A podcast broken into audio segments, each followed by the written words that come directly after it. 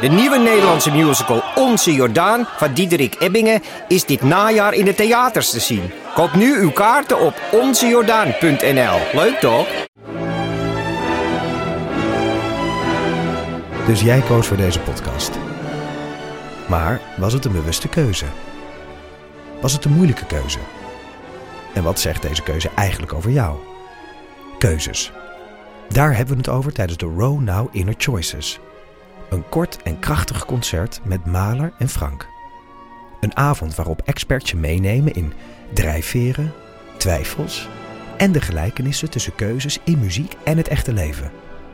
Kom 19 april naar het Residentieorkest in Den Haag. Een kaartje heb je al vanaf 20 euro. Jij appte net... Het stopt nooit meer met regenen. Ja, Dus dat Sindsdien is het droog. Niet helemaal juist gebleken. Even kijken hoe het voor de terugweg eruit ziet. Best wel oké uit. Volgens mij zijn de buien, buien weggetrokken. En nu het weerbericht. Vanavond en vannacht is het, zijn er opklaringen vanuit het westen. Het wordt 8 graden. Hoezo eigenlijk opklaringen vanuit? Het, het zijn toch meer buien vanuit het iets. En een opklaring is toch eigenlijk iets wat een... Het, meer het, het er niet zijn van iets, het ontbreken van iets. Dat komt toch niet ergens vandaan? Ja, dat is waar. Opklaringen vanuit het westen, dat slaat echt nergens op. Dat wil ik nooit meer horen. Ik weet niet of we dat voor elkaar krijgen. Heb je de buienradar bestudeerd? Ja, oh ja, ik ik, vind zat het vrij lang duren. Nee, ik zit, eh, ik zit, dit zit in een loop, dus ik, eh, dit houdt Ja. nooit meer op. Maar Nee, ik, zat te wachten op jouw bericht verder, of jij nog verder ging daarmee. Eh, nee, ik weet verder niet zo goed wat en ik zat te weer- kijken wat ook weer het westen en het oosten is... en of het ook nog toevallig waar is wat je zegt. Ehm, maar er staat inderdaad een... Ja, een westenwind. Is dat eigenlijk een wind die naar het westen waait of uit het westen Uit het komt? westen. Uit het westen. Moet je ook maar net weten. Ja. Anders heb je er nog niks aan. Dat is net zoals met die L van links. Dat je dan kijkt van... Dit heb ik waarschijnlijk al gezegd. Van, ja, dat kan ik ook niet. Hoe je je hand draait, is die L andersom. nou, dat, die handdraai maakt mij niet uit. Maar als ik... Ik ben ook wel zo dyslectisch dat ik hier ook een L in zie. Voor jou is dit ook een L. Maar In mijn- ik ja. zelf ook. Ik bedoel... ja. Ja. Ja. Nee, dat snap ik. Ik, ik kan... verloren. Maar heb jij dat ook? Dat je niet links-rechts uit elkaar kan houden? Dat als iemand zegt, je moet linksaf... dat je dan eerst echt moet nadenken welke kant dat is. Ja, ik heb het volgens mij al eens verteld. Ik moet dat zeker... Ik moet dus me dan achter een piano wanen. Oh ja. En dan ga ik zo zitten. En dan moet ik ook eigenlijk mijn handen het liefst zo in de stand doen. Ja. Want ik heb ooit met pianoles geleerd wat links en rechts is. Links zijn de lage tonen. Links laag. Ja, nee, maar ja. Nou, maar ik bedoel, toen wist ik, toen moest ik het echt weten. Of zo, toen kon ik het niet meer niet weten, want anders is het niet handig als de pianolerares zegt van links moet je dit en dat. Ja. Dus daar heb ik het dan maar echt geleerd met een soort, soort, soort, soort eh, Concentratie. concentratie. Dat was het woord dat ik Ja, zocht. ja. En ehm, om het dus weer eh, terug te halen, moet ik dan altijd weer achter een imaginaire piano wanen. Oh ja. Ik moet, grappig het, eigenlijk, hè? ik moet het rieltje opzeggen. Van links naar rechts. Het is eigenlijk nooit van rechts naar links. Het is altijd van links naar rechts. In mijn hoofd is dat een riedel. En dan weet ik dat links is het woord dat eerst komt. En in een zin komt een woord dat eerst komt. Dat staat aan die kant. Dat is de linkerkant. Dus dan klopt het weer. En dan weet ik wat links is. Hoe lang duurt dat allemaal niet? Want die piano die Nou, ik heel die- snel voor. ik zou net zeggen, dat duurt waarschijnlijk net zo lang als jij een piano voor je hebt getoverd. Ja, nou, ik, van jou lijkt mij moeilijker. Er zitten volgens mij meer stappen in. Want als ik dan die piano eenmaal heb, dan doe ik verder niks. Dan, nou, dan moet ik even zitten en even zo doen. En dan weet ik het weer. Maar ehm, er is iets verkeerds aan. Ja, ik denk dat dit allemaal in de aflevering zit. Ehm, volgens mij. Want wij hebben een soort... eh, rechts heeft een soort het, het primaat in onze ehm, westerse maatschappij. Ja, recht, schrijf met de rechterhand verkeer aan de, aan de rechterkant. Ja, Dat soort dingen. Ja. Maar we lezen van links naar rechts en dan begint het allemaal met links. Ja, En dat is volgens mij is dat een soort cross-wired in mijn ogen. ja, ja. En ook de film kijken doe je ook van links naar rechts, zeg maar. De auto die rijdt ook in een film van links naar rechts. ja, Anders heb je het idee dat hij naar terugrijdt ja. en zo. Ja. Dus, dus met, met kijken en lezen is, het, is links eigenlijk een soort primair. Dus dat is gewoon helemaal fucked. Daarom ben ik denk ik ook in de war. Daarom ben je ook zo'n anglofiel. Nee, nou ja. En, nou, eh linksrijden is in die zin vind ik dat wel eh, logischer. Omdat je, ik heb de- dus de neiging om de wereld ook van links naar rechts te, soort te scannen of waar te nemen. Ja, tenzij iemand in mijn rechter blikveld enorm zijn best gaat staan doen om mij af te leiden. Of zeg maar, zeg maar, ik denk ook van links naar rechts. Ja. Ik vind het ook fijn als. eh, ik denk dat ik ook het liefst meestal eh, links, nee, rechts loop. En dan komt mijn input van mijn gesprekspartner van links. ja, binnen. maar wacht. Dat heeft te maken met... ja, langs de muur willen lopen en Ja. niet langs de stoep. Maar het is ook omdat het dus dan van die kant komt. En ik kan er dus niet tegen. Dat wil ik wel eens horen van de luisteraars of ze dat ook hebben. Als je dan al, weet ik veel, of het is maar vijf minuten, maar in ieder geval als je al een uur zo loopt van links en, en je, jij loopt rechts en de ander loopt links En er gebeurt iets en en, dan je is het wisselt. omgedraaid. En Dan, klopt kan ik niet meer dat, dat, dan is alles weg. Ja. Heb je dat ook? Ik merk aan mezelf wel eens dat ik eh, de neiging heb om... eh, jij, jij, wilde, jij wilde rechts, hè? Ja, volgens mij wel. Ja, want ik heb de neiging om, ook op de fiets. Dat, heb ik, dat merk dat ik dat. soort- dat is niet waar ik, iets over, waar ik over nadenk, maar als wij uit de studio terugfietsen met jou, maar met Bart heb ik dat ook. eh, dat ik jullie eh, rechts laat fietsen. Dat ik link, als we iets inhalen of zo, en ik fiets voor, dat ik ruimte rechts laat waar jij dan weer in kan. Ja, maar dat moet dus dan ook. ja, ja, bij jou moet het ook. ja. Maar, maar, ik, maar dat is niet iets waar ik over nadenk of zo. Dat doe ik heel automatisch. Ik wil aan de buitenkant fietsen. Oh ja, Ja. raar. Dat vind ik raar. Ja, ik weet niet. Dan, ik heb het gevoel dat ik dan iets meer bepaal of zo. Misschien is dat het.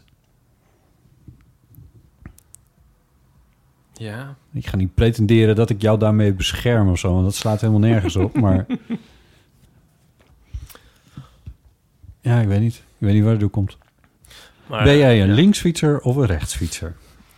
Ja, en eh, ik vind het sowieso heel hachelijk met twee mensen naast elkaar fietsen. Maar met dat links en rechts, ik denk er vaak ook niet over. Eigenlijk roep ik altijd volgens mij links.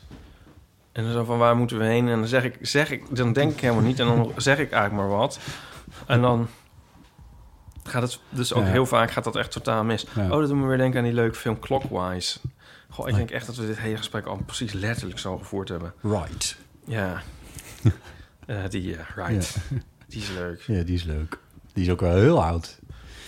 Eh, ja, dit gesprek hebben we volgens mij inderdaad al wel een keer gehad. Wat zou ik nou zeggen? Ik ben Oh, welkom ja. bij deze Maar wat we daarbij waarschijnlijk- van- Wat ik daar waarsch- waarschijnlijk ook wel heb gezegd, is dat ik het dus heel vervelend vind. Is als in heel veel gevallen kan je links en rechts eh, ook wel vervangen, zeker bij aanwijzingen in het verkeer of zo, door oost en west.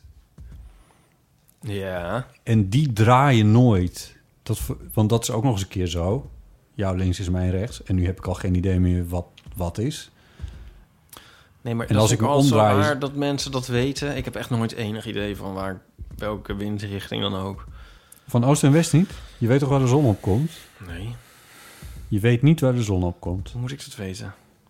Omdat je, omdat je een afgestudeerd academicus bent. Nee, maar ik bedoel... Sterker nog, iedereen, iedereen dit weet iedereen. ik- Je weet toch, dat, je weet toch wel waar de ik zon... weet dat de zon, maar ik bedoel, ik weet toch niet waar nu de zon staat. En ik weet toch niet, als ik gewoon ergens loop, dan weet, heb ik gewoon geen benul van of ik in westelijke of oostelijke of wat heb je nog meer voor richtingen. nou, richting noord en loop. zuid, maar ja. Dat weet Ah. ik niet. Dat vind ik ook altijd zo wonderlijk op tv. Vooral volgens mij in Amerikaanse series. Dan zitten ze allemaal eindeloos hun zeggen van... oh, hij, hij, hij rijdt nu in noordwestelijke richting of zo. En dan denk ik van, hoe weten mensen dat opeens zo 1, 2, 3? Ik denk dat het... Maar In- bij- in Amerikaanse- bent opgegroeid. Ja, daar, maar, oh, maar in, in de tussen stratensystemen, de Amerikaanse stratensystemen, die hebben dat ook iets meer. Eh, zeker bij die, ze hebben daar veel van die grid-steden, waarvan Manhattan wel de meest bekende is natuurlijk. Maar die hebben een heel duidelijke eh, east en west. Ja, Ja. ja, ja. dat helpt waarschijnlijk wel. ja. Het kan me ook eigenlijk geen bal schelen. Zolang ik maar binnen de ring blijf. Jezus.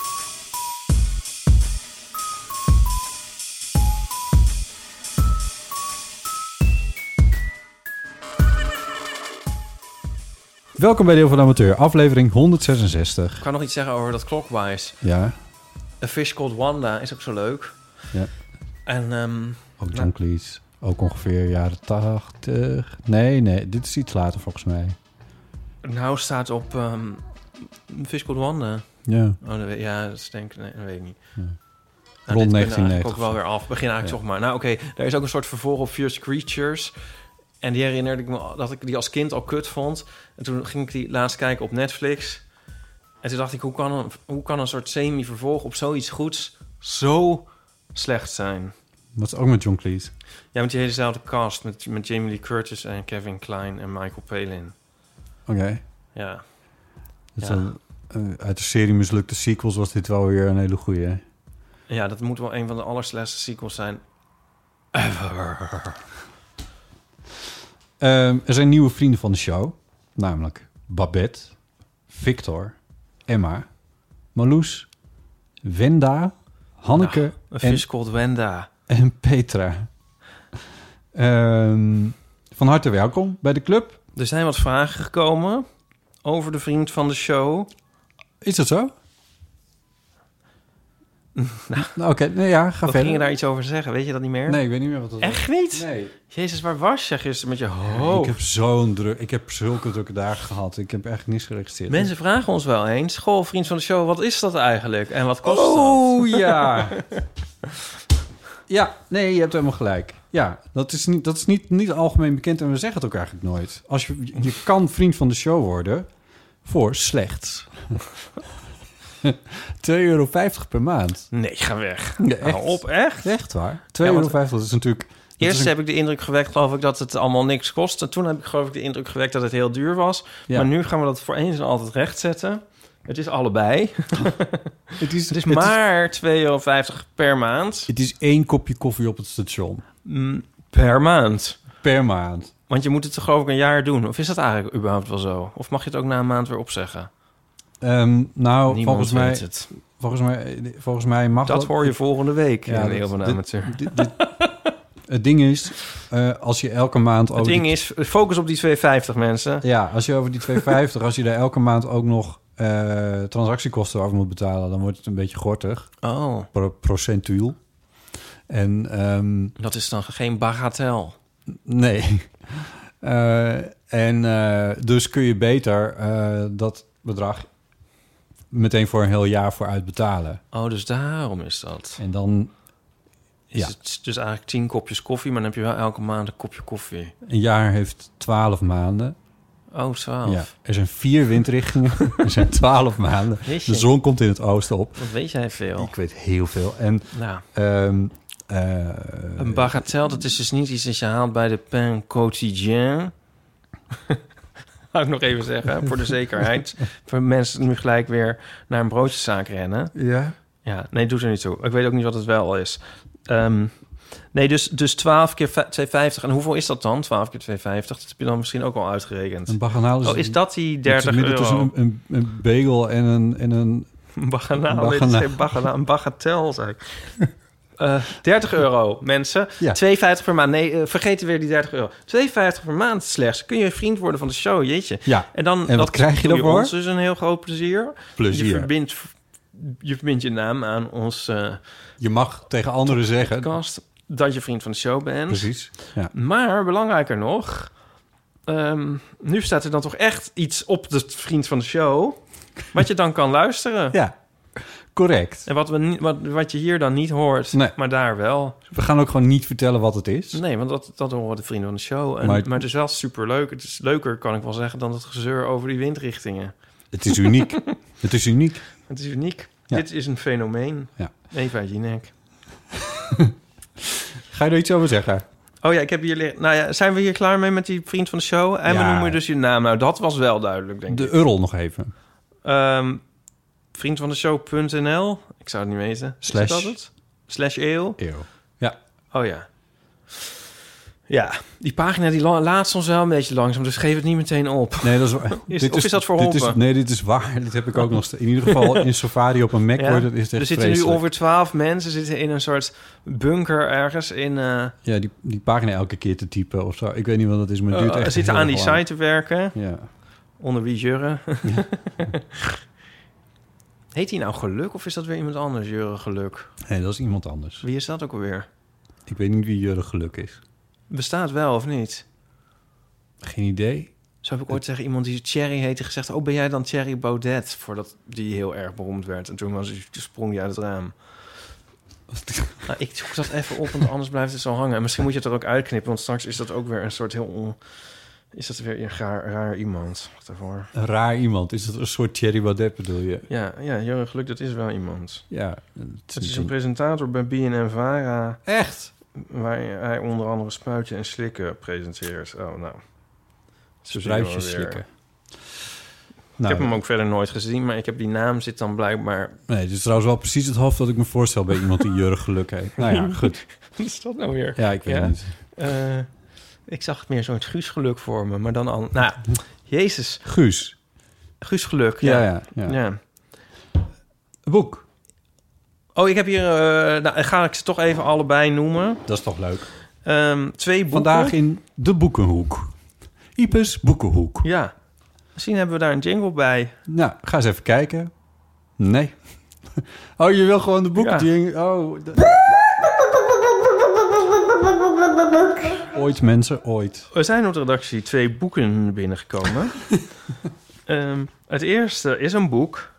Ehm, en ehm, ja, wij Van kennen en van eh, de prijswinnende podcast staat er ook in die is dat dan in dat dingetje heel verneukeratief van eh, van parental advisory als Ja. je dat zo uitspreekt. Ja. Maar er staat dan bekend van de prijswinnende podcast wat Mhm. slimme marketing weer. ja. Ehm, Welke uitgeverij doet dit eigenlijk? dit doet uitgeverij Luiting Seidhof. Nou, dat is toch een beetje de mark of quality. Zeker. En het is, ehm, er is ook een blurb staat erop. En dat heb ik toch het gevoel dat dat een beetje van mijn boek is afgekeken. Want er staat, dit is een fenomeen, Eva Jinek. Ja.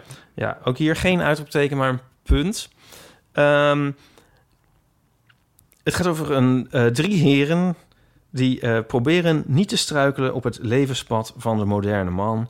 En het is natuurlijk het Man, Man, Man boek. Wow. Ja, of eigenlijk eh, technisch gezien, als je er naar gaat vragen in de boekhandel, man, man, man, het boek. Ja, ja. Want de podcast heet Man, man, man. De Podcast. Ja. Ja. Ehm, Je hebt het van kaft tot kaft, kaft gelezen. Bas, Chris en Domien gaat het om. Eh, nou, heel eerlijk gezegd ben ik er nog in bezig. Ja. Eh, maar het is natuurlijk superleuk om een boek te lezen over een podcast. En eh, ja, dan gaat het toch een beetje kriebelen, hè? Het is heel, heel herkenbaar. Het is heel Een herkenbaar. beetje kriebelen. Ja, een beetje kriebelen. Ja, nou, en het leuke is dat het het supergoed doet. Want het heeft volgens mij zelfs op één in de bestsellerlijst gestaan. Het is toch eigenlijk niet te geloven bijna. Ja. Ehm, dus dat wil ook wel iets zeggen over de populariteit van ehm, podcasts. Eigenlijk over de populariteit van hun podcast, maar ook over die van podcasts in het algemeen. Ja. En ehm, eh, zijn- ja, er nou zijn ja, als ik hem uit heb, dan zal ik er nog meer over vertellen. Ehm, Wij hebben, het, wij hebben wel dus eens over iets de gezegd over man, man, eh, man, ja. volgens mij. Maar er zijn ook er zijn een Oh. paar duidelijke, lijn, duidelijke lijn, wow, timing. Een paar duidelijke lijntjes tussen hen en ons. Eh, we zitten bij deze, wij zitten met de eeuw bij dezelfde uitgeverij als eh, de eh, podcast, man, man, man, Dag en Nacht Dag en Media, Nacht Media. de Mark of Quality. En jij zit Bij met de uitgeverij. het voordeel van de twijfel.nl. Van de twijfel.nl. Ook bij Luid ik zei het voordeel van standvastigheid.nl. kan nooit lang meer duren voordat eh, wij dus ook een boek hebben over onze podcast. Zou dat gebeuren? Ik weet niet, nou ja, volgens mij was er ooit wel sprake van, alleen dat hebben we een beetje laten liggen. Ja. En nu zijn we natuurlijk in populariteit links en rechts, oost en west Wat ga je ingehaald. nou zeggen? Jezus. oh, sorry. Knip dat er maar uit. Nee, Succes, ik, oh, succes. Ik zou me iets meer voorstellen bij ons boek, een soort, een beetje een doeboek, een vakantieknipsel doeboek. Dat zou ik dan leuk vinden. Maar aan de andere kant is dat zo tafels veel werk om te maken dat het er natuurlijk nooit van gaat komen. Maar weet je wel, zo met van, eh, ja, zoek de zeven verschillen en zo. Ja. En een heel van amateur sudoku. En eh, ik weet niet. Beetje vet divers. En dit is volgens mij meer een, tot, wat ik tot nu toe gelezen heb, meer een soort. eh, bio- biografisch ingestoken over, eh, Dat geloof ik ook, ja. over de mannen. Als ik kijk naar de inhoudsopgave, Ja. dan het over kinderjaren, een weekend in Dublin. ja, het is ook een soort chronologisch. Ah ja, Tenminste, Groningen, mooi. wat? En Groningen gaat ook Groningen gaat- staat er ook een in. hoofdstuk Groningen. Ik Ja. wil ook een hoofdstuk Groningen in, ons, in, de, in het boek van Eel van Amateur. Ja, Ik herkende wel wat dingen toen, eh, toen ik even het introotje las. ja nou, Dat ga ik nu niet te als ik hem uit, dan mag jij hem lenen. Ehm, Tweede boek wat op onze redactie Ja, is en dan een boek dat eh, eigenlijk een soort, ehm, Telefoonformaat, telefoonboekformaat, voor zover iemand dat nog iets zegt. een soort tegenovergestelde van het man, manboek misschien wel.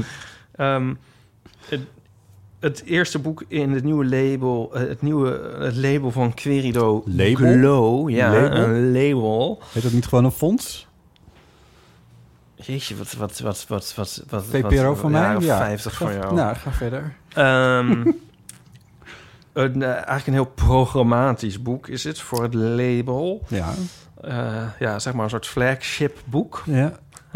Het wordt alleen maar erger. Want het heet ook Gloei. Ja, En het is een interviewboek ja. door niemand minder dan onze eigen Edward, Edward van van Vendel. Die in aflevering aflevering Puntje, puntje, puntje. Was de gast was? Ja, en met portretten van Floor de Goede... die ook te gast was een keer bij ons in de aflevering. Ja, tig. En ehm, het is een interviewboek. Ehm, ik lees gewoon even de achterkant voor... want waarom zou ik het zelf allemaal weer moeizaam zitten Ja. formuleren? En de achterkant, de voorkant achterlezen, dat is natuurlijk niet mogelijk. Wat? Oh ja, ik snap. Voor Gloei interviewde Edward van Vendel 21 jongeren tussen de 16 en 23 jaar. Ze vertellen uitgebreid en openhartig over alles wat er in hun leven gloeit. Liefde, woede, ambitie. Hoe divers ze ook zijn, ze delen één ding. Hun geaardheid of hun gender wijkt af van die van de meerderheid. Het resultaat is een verzameling persoonlijke en ontroerende verhalen... die een breed beeld geven van de queer jongeren van nu. Ieder interview wordt voorafgegaan door een gedicht dat Edward van de Vendel maakte naar aanleiding van het gesprek. En Floor de Goede, die heeft, eh, nu ga ik weer zelf praten, eh, een tekening, die heeft ze allemaal geportretteerd en Mhm. allemaal in een, in een andere stijl. Ja, want Dat hij, is hij dacht knap. na 40 jaar wat toch eens tijd werd om te laten zien dat hij niet helemaal een one-trick pony is, maar een 21-trick pony. Ehm Het is een kleurrijk boek. en, ja, en, ehm, het is, en het is heel dik. En je, en, ehm, Ja, want voor zover het niet duidelijk is, die portretten zijn dus getekend. is dat is niet... eh, Wat vond je van het boek? Het is heel dik. ja, het is heel dik. Ja. Die portretten zijn niet getekend. Zwaar ook. Zijn getekend. Oh, getekend. Want, ja. ja. nee, want het kan ook nog dat het geschreven portretten zijn, maar dat... Nou, dat, is, dat zijn het dus allebei. Dus die interviews geven een soort geschreven portret weer. ja. Ja. En ehm, dit lijkt me dus ook wel een... Of ook wel... Nee, god, jezus. Nou ja, dit is natuurlijk totaal ander boek dan Man Man Man. Maar ehm, zeker ook iets voor onze luisteraars. Want die zijn volgens mij ook redelijk eh, queer ingestoken. Ja, en gloeien ook. Die gloeien ook. Ja, Ja. ja. Ehm, nou, en dan heb ik hier nog een ander boek. Dat is het nadeel van de twijfel. Nee, grapje. Ja, dat weten mensen dan wel. Als ze dat nou nog niet gekocht hebben, dan... Nadeel van Twijfel.nl. ja, dat kun je ook kopen. En dat kun je ook cadeau doen voor Sinterklaas. Oh, dat is een heel goeie. Ja. Dat mag je best zeggen. Oké. Hardop, zonder daar besmuikt over te doen. Dat kun je ook kopen voor Sint... Ja, ik vind het een beetje raar om twee boeken te bespreken... en dan daarna het af te sluiten met reclame voor mijn eigen boek. Oh ja, nu dat is het toch al gebeurd. Ja, het is, dat, dit, is, dit is heel knap hoe je dit doet. Want dit kan echt niet, maar ja, ik heb het al gedaan. en dan is het toch gebeurd. Ja, ik verkoop ze nu ook gesigneerd op mijn site, fotostrips.nl. En pak je ze dan ook in Nee, Sinterklaas dat niet. papier? Het is al erg genoeg dat ik er nu een handtekening in zet. Maar speciaal voor de decembermaanden... Oh ja. Met Ik een, bedoel, eh, het is er maar één, maar goed. dus eh, zet ik er een handtekening in. Dan stel kan dat ik eh, mijn... mijn maar dan betaal je wel verzendkosten. Dus het is een beetje, ja... Between a rock and a hard place. ja, maar als je hem bij bol.com bestelt, moet je ook verzendkosten. Nou, maar als je hem via het nadeel van de twijfel.nl bestelt... dan betaal je geen verzendkosten. Can you believe it? Ja, maar dan krijg je dus geen handtekening. Dan krijg je geen handtekening. Maar als ik nou dus... Als ik, als ik eentje wil voor mijn neefje... en ik zou jou niet kennen en jou niet regelmatig Ja. zien... dan zou ik dan ook kunnen vragen van... zou je daarin Ja. kunnen schrijven voor... uh, Voor mijn neefje. ja, dat, oh, dat is natuurlijk hartstikke leuk. dat is zeker heel leuk. Voor slechts de portokosten. Ja, dat is bijna niet te geloven. Maar god. Ja, en als je met een beetje geluk... eh, je kunt er ook een heel DNA-profiel meestal van uitma- opmaken. Want ik pak ze dan... Ik doe ze dan ook nog zelf in een envelop. Lik ik eraan. Er zit vaak valt er wel een haar uit... die dan toevallig ook meekomt. Je maakt het ineens heel goor. zitten erop. Nou, zo kan niet wel weer. Maar eventjes, want ik snap het nog niet helemaal. Via Oh, sorry. nadeel van de het nadeel van de twijfel.nl bestellen is geen porto, geen handtekening. Ik heb zo spijt van dat ik het al... Hoe ik nou weer allemaal gezegd? Maar hoe kom je nou aan jouw handtekening? Op fotostrips.nl. Ja, dat is dus je, de normale web, in je webwinkeltje van waar je jouw albums ook kan Ja. kopen. Ja, Ik denk dat we dit hele stuk weer moeten knippen... dat ik weer één loket moet maken. ja het is niet per se heel duidelijk. Maar ik zou het ook even op nadeel van de twijfel.nl als optie aanbieden. Voor 6,50 euro of wat is het tegenwoordig? Waar verzend je zo'n boek voor? 3,85. 3,85 mensen, het is geen geld. Dit Eh, moet echt het meest oninteressante stukje van de Eeuw van de Amateur zijn. Tot nu toe. Oh, wat ben je weer lekker vals bescheiden. Dat gezegd hebbende... Ehm, even kijken, Ipe. Even, de, even het spoorboekje. Ja, Eh, we hebben heel veel reacties binnengekregen. Die kunnen we door de hoeveelheid helaas niet integraal voorlezen. Maar we lezen ze wel allemaal. Oh. Eh, er zijn een paar eeuwenfoonberichtjes. Die gaan we wel lekker allemaal laten horen. Dat is natuurlijk hartstikke leuk. Waaronder van onze huisbioloog. Oh, Dus ja. Dat is wel gezellig. Ehm, en er is eh, weer wat informatie voor de ego-rubriek. Zullen we dat deze keer... hebben we vorige keer beloofd dat we dat zouden doen. Dus dat Ja. is misschien wel goed, hè? Ehm, en misschien wil je ook wel een theezakje doen? Ja. En ik heb nog een nieuwtje. Oh, ja. Nico is vader geworden. Gefeliciteerd. wat leuk. Maar dat mag je vertellen. Ik vertel het gewoon. Ja. Wil je ook vertellen hoe het precies de vork in de steel zit? Ehm, nou, hij is donor. En ehm, voor een vriendin en haar vrouw. Ja. En ehm, nu is er een dochtertje. Geboren vrijdag. Ja. Nou, dat En, is, eh, ik zag al een foto voorbij komen op de socials. En Ja. is te schattig voor woorden. Ja. En jij was ook helemaal in de zevende hemel, geloof ik. Je vond baby's wel echt heel erg leuk. Ja, dus het is moeilijk om vast te stellen of het nou is. Ja. Ja. Ik bedoel, nu vind, zie ik het natuurlijk ook een beetje als een soort van. Nou ja. eh, mm, eh, hoe dichterbij een baby is, hoe leuker misschien. Ja. Een neefje is leuker dan een gemiddeld kindje op een... Ja. Dus. dus ehm, heb ik een naam al gezegd? Nee, Elim. Is natuurlijk nog veel leuker. dat is een heel mooie naam. Ja. Maar goed, dan gaan, dus nu ga ik dan eh, van die dingen zeggen die dan iedereen zegt van, van... Ja, maar ook als het niet zo was geweest, had ik gedacht... Wat een mooie baby. Oh, het is een heel mooie baby. Dat zal je net zien. Is het ook nog een mooie... Baby. Ik heb nog nooit zo'n mooie baby gezien. En alle, Ja. ja. alles en iedereen is gezond. Ja, Dat is wel heel fijn. ja. Ja. En, ehm, nou ja. Hoe, hoe gaat het er in, in, in de toekomst uitzien bij jullie? Nou, dus we, we, ehm, we zijn in beeld, maar we, eh, Nico en uh, nog ik gaan verder ehm, eh, zorgen voor het kindje, zeg maar. Ja. Ik bedoel, het is niet dat we een soort co-ouders zijn of zo. Nee. Nee. Maar een logeerpartijtje zou er best eens in kunnen zitten. Ja, Ja. ooit. Ja. Ja. Ja. En ehm, ja. Dat, dat, dat, vo- en ehm, nou, we zijn er heel, heel erg blij mee. En eh, nu al dol op. ja. En Nico? Ja, je zei al we, maar hoe was het voor Nico? Ehm, het, ja, eh, die is er heel erg vol van. Ja. Ja. Die is er wel, die is er, die, ja, die vindt het fantastisch. Die is er heel eh, gelukkig mee. Ja. Ja. Terecht. Ja. Ja.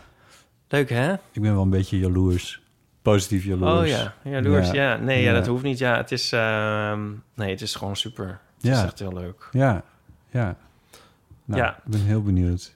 Dus eh, er is ook heus wel eens goed nieuws. Ja. Ondanks alle regen.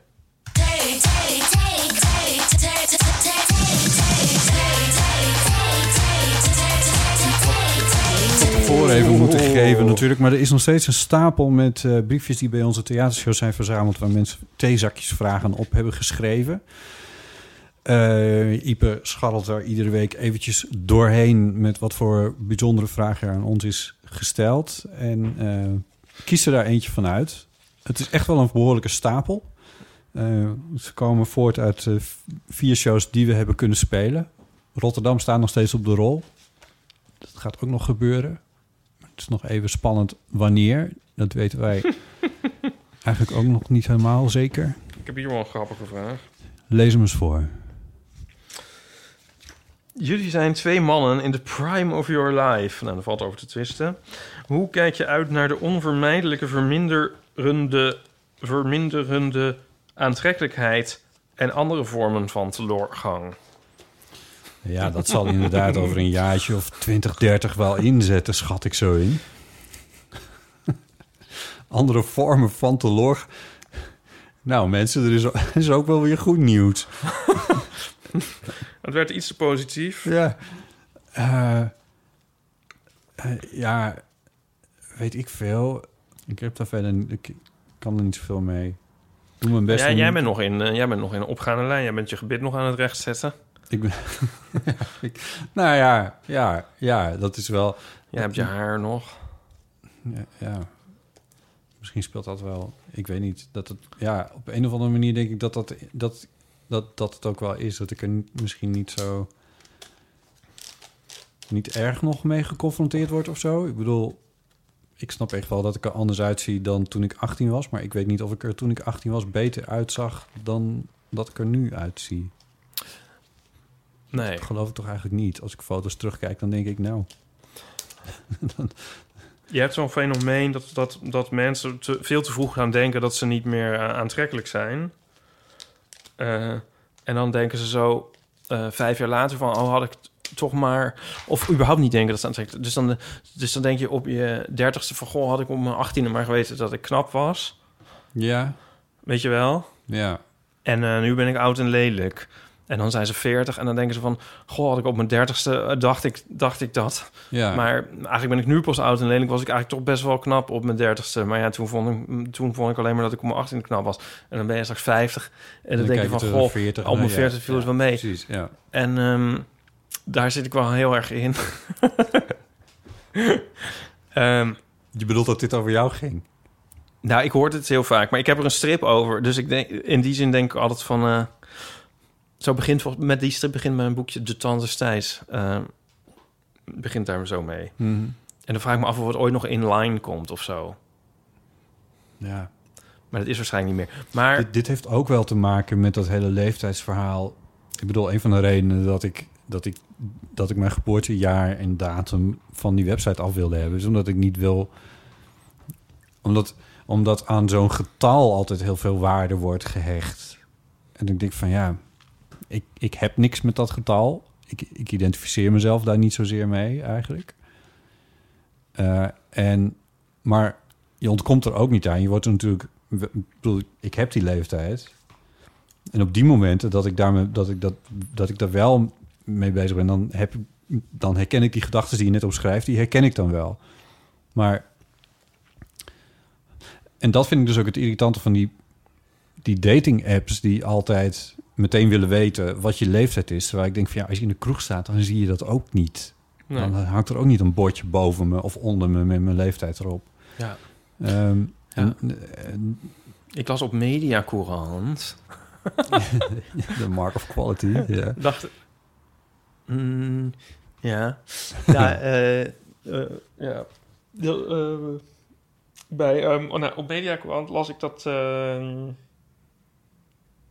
ik moet. Oh ja, Erik Mouthaan, dat hij heel veel seks had op Grindr. Oké. Ja, nou, of heel veel seks, in ieder geval.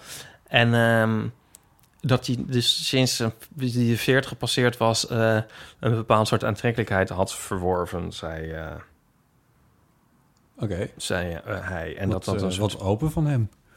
Ja. Ja. Is mooi dat iemand dat zegt. En hij was, want hij heeft ook een relatie, ook nog eens. Om het nog, eh, nog opener te maken. Ja. Eh,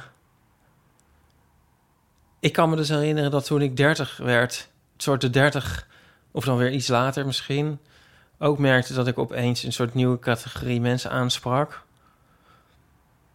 maar, sinds, maar die, maar die ni- nieuwe, die, die, hoe, ik weet er geen woord voor.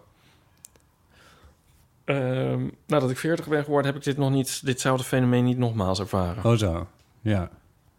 Ja, ik ben heel benieuwd wat er gebeurt als ik 30 word. Maar, eh,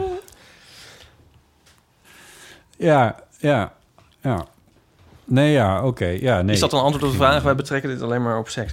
Ehm, ik bedoel, elke leeftijd Ja, heeft ze voor... Ja, het gaat, gaat over de verminderde aantrekkelijkheid. Nee, de vraag is toch wel goed opgevat. Ja, volgens mij ook wel. Ja. Ik denk dus dat je op elke leeftijd ook wel weer een soort eh, aantrekkingskracht kan uitoefenen op eh, wie dan ook. En het zit ook niet alleen maar in het uiterlijk. Nee. Maar met al die eh, intellectuele bravoure, die telt ook ergens voor. Of zo. niet waar? Mailtjes kunnen naar ip.eeuwvanamateur.nl Hoe kijk je uit naar de... Nou ja, dus we zien er met vertrouwen tegemoet. Het, vooralsnog, of niet? Ik weet het Volgens mij niet. moet je er niet te veel mee bezig zijn. Er kan, er kan geen goede uitkomst van zulke gedachten zijn, toch? Nee. Het is wel grappig dat je... oh, oh, ja. Ja. Denk je... De, Ik denk dat het voordeel wel is... wij beiden verkeren in relatief goede gezondheid. Ik denk dat dat... Weet je, als zolang je dat hebt... dan waar heb je het dan in vredesnaam over? Ja, Ja. ik moet ook nog denken aan zo'n age booth. Dat je zo ouder kan worden gemaakt, weet je wel, met de computer. Ja, ja. En eh, dat doe ik ook wel eens. Heb ik in stripjes al een paar keer ingezet. En eh, toen zei eh, een vriend van mij van... Ja, oh ja, grappig. Ehm, ik zie dat de computer... Ja, dat heeft de computer dan zo gedaan. Maar ik, maar ik, ik weet eigenlijk zeker dat jij er totaal anders uit gaat zien... als je oud wordt. Dat was alles wat hij erover zei? nou, toen dacht ik van, ja, er zit wel wat in. Maar je hebt dan een soort beeld van hoe... Je hebt wel een soort onbewust, vaag beeld toch... van hoe je er dan uit gaat zien. Ik niet. Nee? Nee, geen idee. Nee. Maar Nee, nee, maar echt niet. Nee, maar dat, dat, nee, ik heb er geen idee over. Maar eh, dat, dat soort dingen, eh, wat die doen, is oren groter maken, eh, Ja. wangen laten uitzakken en een neus vergroten. Dat is eigenlijk waar het op neerkomt. Alles krijgt, wordt wat rimpeliger en, en grijzer. En, Mhm. Maar dat zijn soort generieke dingen. Dat zegt inderdaad niet zo heel erg gek veel over hoe het daadwerkelijk gaat gebeuren. Nee, terwijl veel Britten krijgen een steeds kleiner gezicht als ze oud worden. Weet je wie grappig oud wordt? Sting. Moet je eens naar kijken. Dit is, met zo'n heel klein kopje zit dan nog maar op. Ja, die heeft dan zeg maar zo'n zo'n trekken. Die, gaan, die groeien een soort beetje naar elkaar toe. En dan krijgt hij een soort kleiner gezichtje in een groter hoofd. Als een soort oude Brit. Als een soort Sting, dat is echt een oude Brit geworden. Als een soort, die kan ook het, het, zeg maar het hoofd van een kostschool nu zijn. Oh nee. Ja, maar eh, oh, eh, wel een heel aantrekkelijke man is dat trouwens, vind ik. Eh, Schijnt ook heel veel seks te hebben. ja, maar ik vind het grappig, want hij was altijd een beetje een soort, een beetje, klein beetje otherworldly of zo. Ja. En nu is het echt zo van, hé, hey, een, een oude Brit. Oh ja. Dat vind ik leuk. Ik heb hem eh, niet recent gegoogeld. Eh Ipe, Ja. wij hebben best wel wat reacties gekregen over het reformatorische scholenverhaal. Ja. Dat was vorige week, liet ik me eventjes eh, ehm, gaan over eh, de aanspraken van eh Arie Slop. Ja. Eh, daar hebben veel mensen op gereageerd, in, in soms ook heel lange mailen, mails. Ehm zal ik daar een beetje Diagonaal, praten. cursief doorheen? Ja. Linda reageerde en die zei... misschien is het toch wel goed, het zou kunnen helpen om te demonstreren bij dit soort scholen... om leerlingen te laten weten dat ze niet alleen zijn.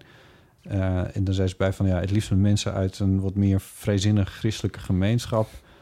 eh, zodat de boodschap niet is dat je je per se moet afwenden van God. Oftewel dat je een beetje in hun richting gaat. Ehm, volgens mij zijn er al heel veel pogingen in die, die kant op gedaan. Ik weet niet zo goed of dat nog Demonstreren aankomt. voor een school? Ja, ik weet niet of ze nou bedoelt of je dan met borden moet gaan staan of dat je gewoon moet tonen. Maar ja, Tonen. Ja, Een soort kiss-in bij de reformatorische school. ja, dat is demonstreren met borden. Maar ja, Nee? het, ja ik nee, weet, ik een weet- kiss-in is dat mensen gaan zoenen. Ja, snap ik. Maar dat, Dat is toch nou niet met borden? Nee, maar dat is wel, dat is, dat is echt een, een, een fysiek, fysieke handeling voor een schoolgebouw. Ja. En wat is het andere? Ja, dat is wat theoretischer. Ik zou ook niet weten hoe het anders is. Het demonstreren Oh. Ja, je- Nou ja. je- ja, het doet er ook niet zoveel toe. lijkt me een beetje intimiderend en raar voor een school Ja. te gaan demonstreren. Ja, Eigenlijk. Kees die reageerde nog. Hij is, ehm, ehm, even kijken, bestuurslid van de stichting LKP. Dat is een koepelorganisatie van een christelijke LHBTI-beweging. Ehm, en hij is eh, wat milder. Eh, hij zegt van, het leek wel even alsof je, ik dus, denkt dat in de revo-wereld alles helemaal stilstaat. Hij zegt, gemiddelde revo's lopen zo'n 30 jaar achter... maar is toch meer aan het verschuiven dan voor de buitenwereld zichtbaar is. Nou, dat zal, maar daar liet Arie Slop nog weinig van, eh, van zien, vrees ik. maar Ehm, hoe was het 30 jaar geleden dan? Toen werden de homo's nog geste gestedikt Ja. op het schoolplein of zo. Ja, ja, weet ik eigenlijk ook niet. Ik, ja, hij zegt dat het beweging... Kees zegt dat het beweging is. Ik, ik, ik, ik zie het niet zo, eerlijk gezegd. Ik eh, vind dat een vrij gesloten bolwerk waar niet zoveel gebeurt. Eh Gerard die reageert, maar die had eerst nog even een andere appeltje met ons te schillen. Namelijk, jullie hadden het over Utrecht, mijn stad. Het park langs de Singel van Utrecht heet niet de Singel, maar het Zoggerpark. Ja, En het is daar inderdaad heel erg mooi, schrijft hij. dat is ons ook nog op heel veel andere wijzen Ja, iemand moet het. Ja, je kan het wel ons. Zet het even op Google Maps. Dat is misschien beter. Daar zaten we te kijken hoe, hoe in vredesnaam het Is park dat zo? Ja, Oh. volgens mij stond het daar niet op. Nou, ik schaamde me wel een klein beetje, want ik heb, geloof ik, iets van, De helft van je leven. ja, 16 jaar in Utrecht gewoond. Ik heb het nooit geweten. Nee, Het was wel dat het wel heel mooi is. Dat wist je wel. Dus dat is Maar eerlijk gezegd ken ik die hele zogger niet. Nee. En ehm, die heeft half Utrecht bij elkaar gebouwd en, en, de, en de wereld. Nou, Ehm, dat was een succes. Nou, Utrecht is heel mooi. Ja, ja, je kan alleen niet komen. Ik kan niet komen, hoezo niet? Nou, en als je er bent, dan kom je er niet meer vandaan. Ja, Wat is dit nou weer, die van jou? We hebben het eeuwige, maar- eeuwige verbouwingen. Ja, we hebben het over even. Zal ik dan nog even snel doorheen? Ja, Dit hebben we ja. al vaak gedaan. Utrecht bestje. Ik vind Utrecht prachtig. Ik vind het een prachtige nu, stad. Nu is die, die, die, die, die single uitgegraven. Ja. Ik kan, eh, dat heb ik nu twee keer gezien. Ik kan er wel van genieten. Oh, er zei ook weer iemand van... hij is niet diep genoeg uitgegraven. En dat is ook weer, nou ja, weet ik veel. Mensen, maar dat is echt heel mooi. Nou, gefeliciteerd met je sloot. Ja. Dit gaat vast geen fans opleveren. Ik vind Utrecht prachtig, maar, maar, maar ah, dus, nou goed. Het stationsgebied, het wordt alleen maar erger. Nou goed, anyway. Mm, ben ik ook niet... Nou, oké, ja. Ja, daar gaat het nu niet over. We gaan nog wel een keer naar Utrecht. Pratende bollendak. Oh. dat is er niet meer. Ja. Oké, eh, dus maar Gerard schrijft... eh, zowel ik als mijn vriend... we zijn opgegroeid in een reformatorisch gezin... en we kennen ook best wat mensen met dezelfde achtergrond... die ook bij de regenboog-community horen. Eh, ik kan dus wel zeggen dat ik een beetje kijk heb op de gevolgen van zijn opvoeding... In, eh, en schooltijd in een gereformeerde gezinte. En dan schrijft hij... helaas is die invloed op, eh, op in ieder geval ons leven niet zo positief... We hebben beide grote moeite gehad met de reacties van een groot deel van onze omgeving op het feit dat wij homo zijn, een relatie kregen, samen onderdeel van onze families wilden zijn en samen gingen wonen. Samengevat dus eigenlijk reacties op het feit dat wij homo's, als wij homo's bestaan en ons eigen leven inrichten zoals wij dat willen. En hij schrijft de reformatorische wereld is eh, erg gesloten.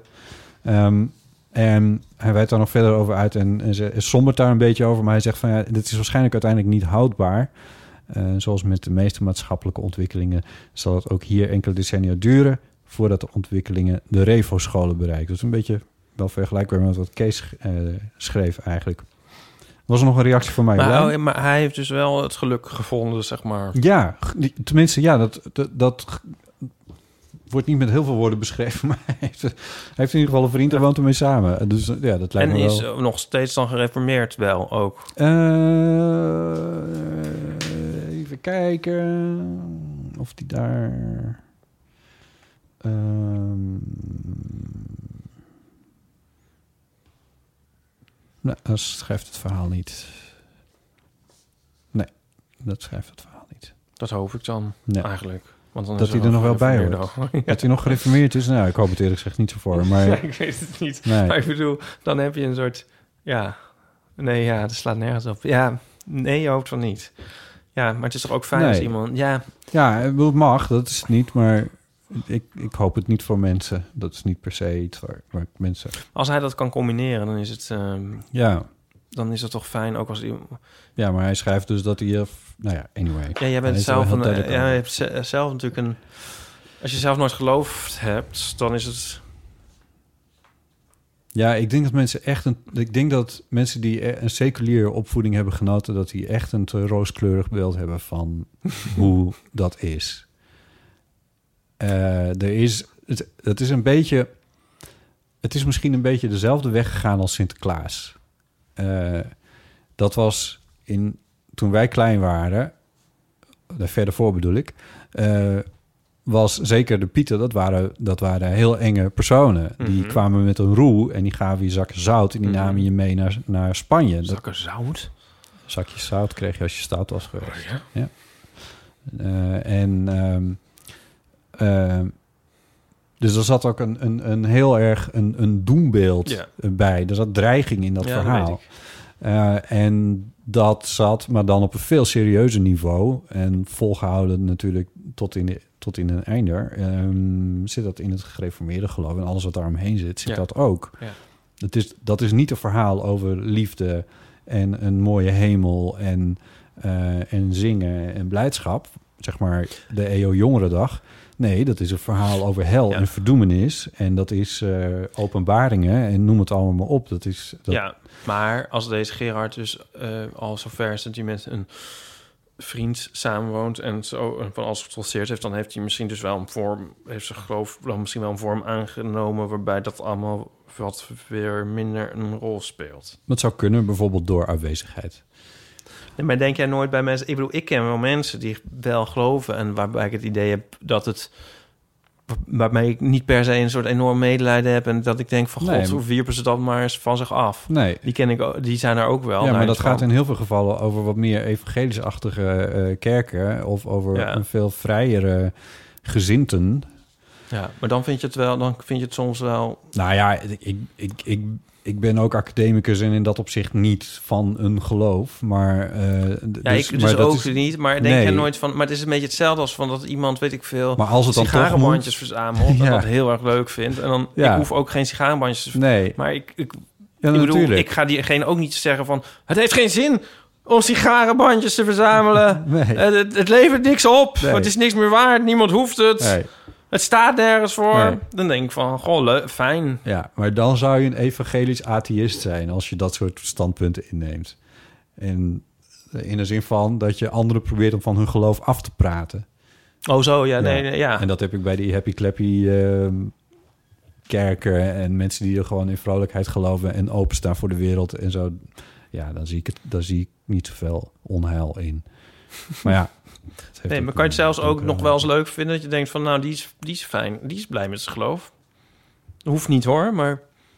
Want heel soms denk ik dat wel eens namelijk. Ja, maar dan meer op een sigarenbandjesniveau. Niet, niet Ja. dat ik daar dan eh, dat, dat ik daar dan ook naar verlang. Nee. Dat een beetje.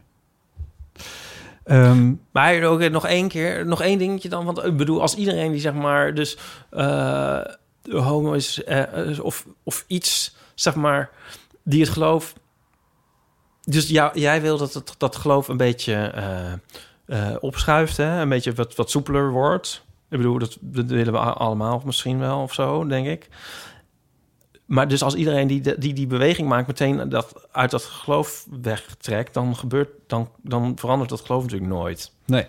nee, dat klopt. Dat is een... Er zijn er een beetje mensen die een soort corvée moeten doen, die dus wel. Ja, dat is een, eh, dat is een eindeloos discussie. Maar dat is, dat is ook wat, die, wat Kees en Gerard ook eh, wel bedoelen met van ze lopen achter. Want de, met name de kerk, de kerk waar mijn ouders bijvoorbeeld toe behoren, die, pardon, eh, die, ehm, die is daar wel echt in opgeschoven.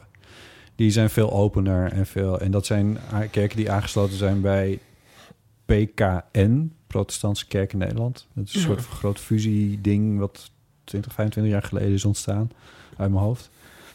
Eh, en daar, ehm, daar wordt er wel iets vrijer over gedacht. En zijn er ook dominees, MV, zijn er ehm, homo of lesbisch of dingen ertussenin. Dus dat, Ja. dat, kan, dat is daar wel een stuk meer mogelijk. En dat, dat helpt natuurlijk wel. Ja. Ja. Ehm, een laatste mailtje daarover kwam van Marjolein. Eh, die is, voor zover ik dat kan overzien, eh, docent aan een school.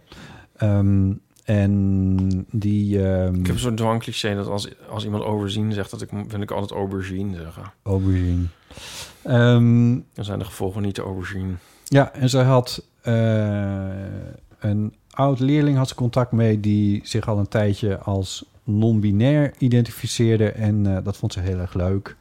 En, ehm, en, maar ze werd ook heel boos over eh, de uitspraken van Adi Slop en ze wilde eigenlijk in actie komen. En ze zei, ik heb inmiddels samen met de leden van onze Paarse Vrijdagcommissie, dat is mooi, een eh, mail gestuurd naar onze schoolleiding.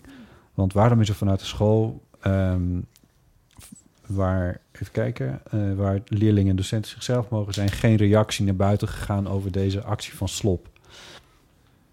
En ze zei, misschien is het wel een oproepje naar alle docenten. Want ze zei van, volgens, volgens haar luisteren er veel mensen die in het onderwijs werken naar de eeuw van amateur. Nou, dat zou best eens kunnen. We krijgen wel regelmatig berichtjes uit die groep natuurlijk. En dus ze doet een beetje een oproepje aan al die docenten die naar ons luisteren. eh, van misschien kan er, kunnen die ook zo'n mailtje sturen naar het bestuur van hun school. Om een statement te maken. Om een statement te maken ja, tegen de minister van Onderwijs eigenlijk. Ja. Ik, ik zou dat goed vinden. Ik denk dat dat belangrijk is voor, en een voorbeeld stelt voor, eh, voor kinderen die tot de regenboog-community behoren eh, en op jouw school zitten. Ik denk dat dat wat kan betekenen. Dat is mooi. En ook eh, punten voor dat jullie een Paarse Vrijdag comité hebben. Ja. Dus dat is heel leuk. Zijn GSA's op scholen zijn ook leuk. de, de GSA's, ja, zeker. De, dat heette ooit Gay and Straight Alliance, maar dat heet nu volgens mij Gender and Sexuality Alliance. Oh ja. Mooi en beter, denk ik. Ehm, ja, daar zijn ook daar zijn veel netwerken die hebben ook een website. Dus als je, als je meer op een school zit en je denkt, ik wil hier meer over weten of hoe kan ik het aanpakken, eh, zoek dan even naar GSA-netwerk op het internet en dan vind je veel meer informatie. Wordt gesteund door het COC, dus daar zijn echt wel dingen te vinden. Ja. En als luisteraar kun je ook lid worden van het COC. En eh, Ja, als je dit allemaal ondersteunt. van harte aanbevolen overigens. eh, lid worden van het COC.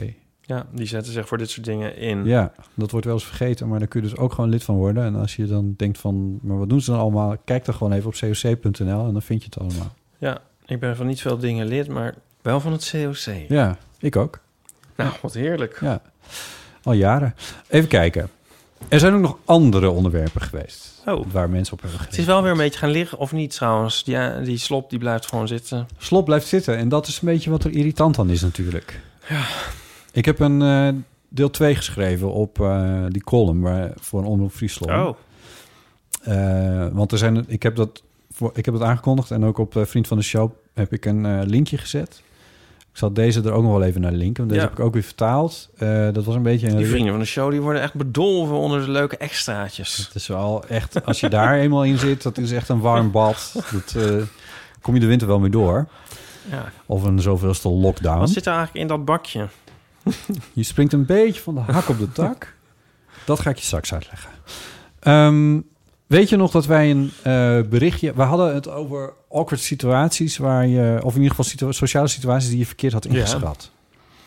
Ehm, en er was iemand vorige week eh, in de aflevering met Paulien... Ja. Die had geschreven over dat, eh, dat ze solliciteerde bij de koffiecompagnie... en daar met wapperende jurk en strik in haar haar naartoe was gegaan. Veel te laat. En dat het ineens een heel formeel gesprek bleek te zijn. ja. Nou, Nana schreef ons en die schrijft... Ik luister inmiddels weer twee jaar naar jullie podcast. Ik ben fan en ik moest even reageren op de bellen die solliciteerden... bij koffiecompagnie, et cetera. Ehm, ik heb dat dus ook gehad. Na een online een formulier ingevuld te hebben voor koffiecompagnie... werd ik uitgenodigd voor een gesprek. Ik dacht gewoon even een gezellig kennismakingsgesprek te krijgen. Het was voor mij een bijbaan naast mijn studie. Ik kwam alleen terecht in een mega serieus gesprek... waarvan vooral de vraag... hoe ziet Nana zichzelf in de koffiecompagnie... mij altijd is bijgebleven. Ik was 21 en ik dacht alleen maar... ja, koffiezettend achter een toonbank. Wat wil je van me horen? Wat mijn, echte Misschien was dat wel het goede antwoord. wat mijn echte antwoord was, weet ik niet meer.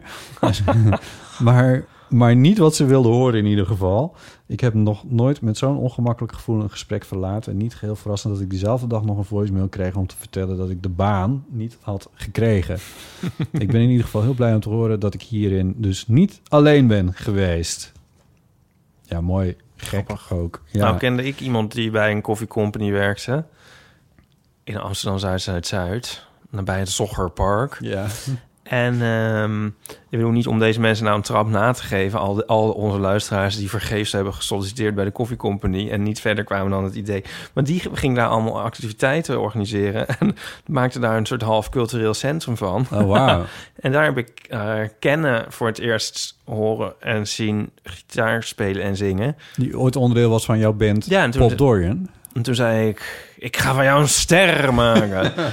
Daar is een fotostrip over. ja.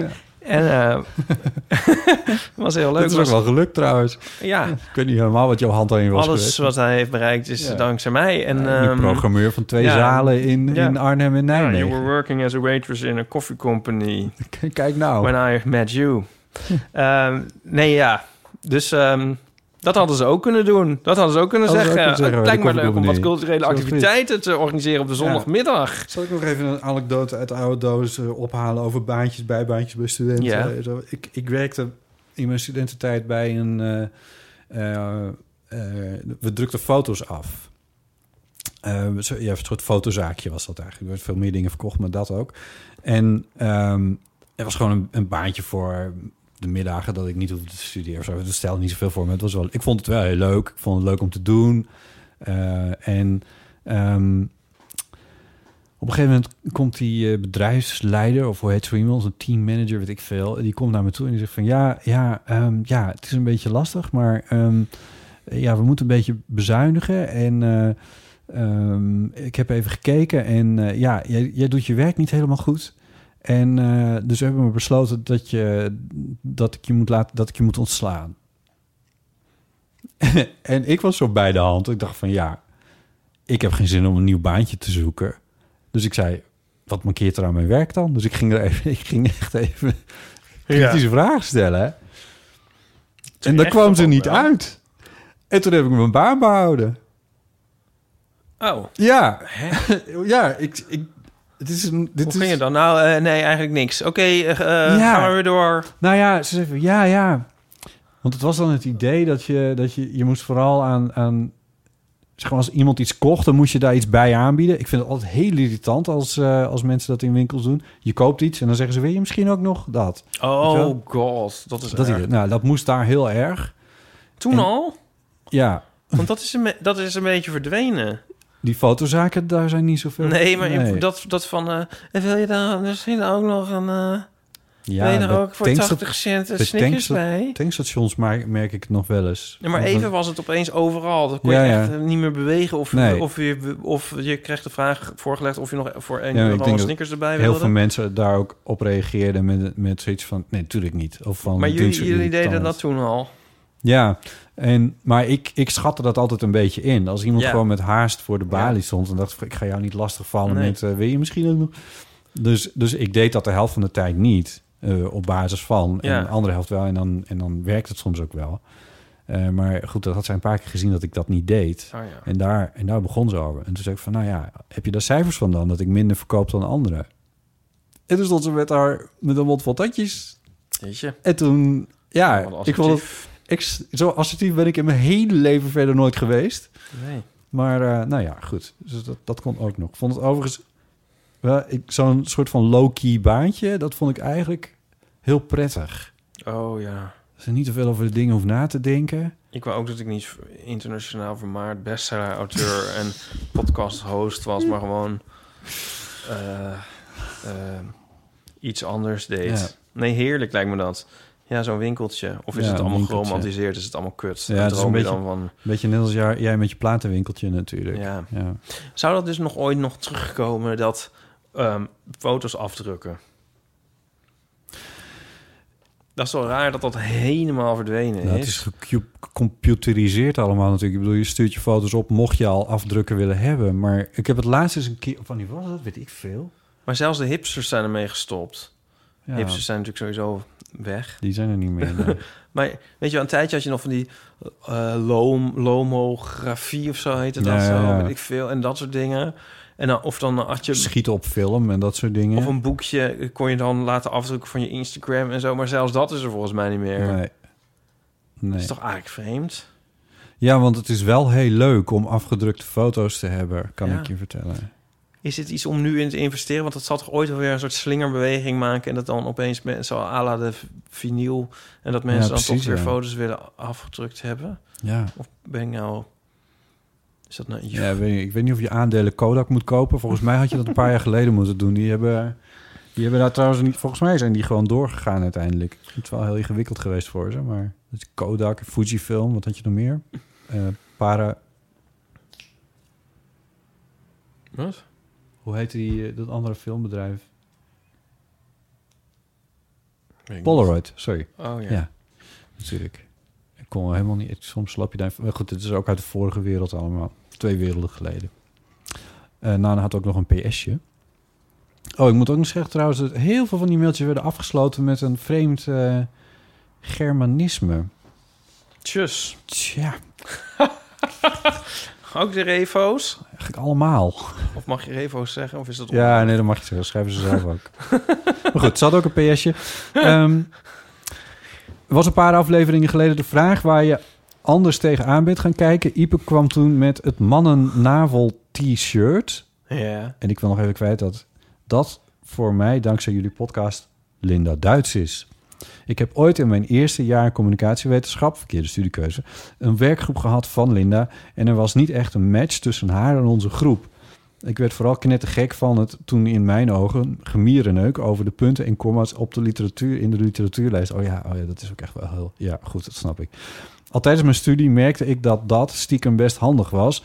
Maar nu, door jullie podcast, moet ik toegeven dat mijn mening als 18-jarige snotneus over Linda niet terecht was. En ik heb hem helemaal bijgesteld. Ik zou willen dat ik weer opnieuw een werkgroep mocht hebben van Linda. Nou, wat leuk. Dat is natuurlijk prachtig. Linda Duits is Nana's naveltruitje. Hebben we hier de titel van de podcast? Nou, Nana's naveltruitje vind ik wel... Ja, eh, dat is wel een mooie. vind ik wel eentje voor de titel. Ja, Wat zit er nou in dat bakje?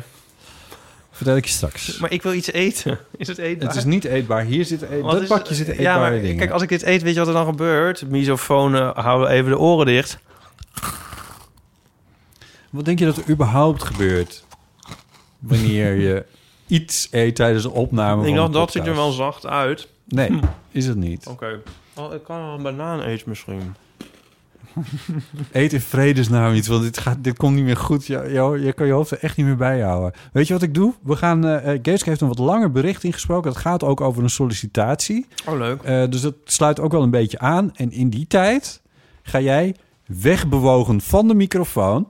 Nee, ga jij een banaan eten dus. Of eerst even die, die, die jingle, want dan klopt het natuurlijk. Nou, dat weten we zo wel. En dan eh Geeske. Hoi levensreunen, met Geeske. Zoals ik in mijn laatste berichtje had aangegeven, zou ik nog even terugkomen op de tijd dat ik zonder werk zat. En dat valt eigenlijk ook wel even in de categorie van, dit ging niet helemaal zoals verwacht. Oftewel, in 2015 werkte ik bij Promise Mode in Amersfoort.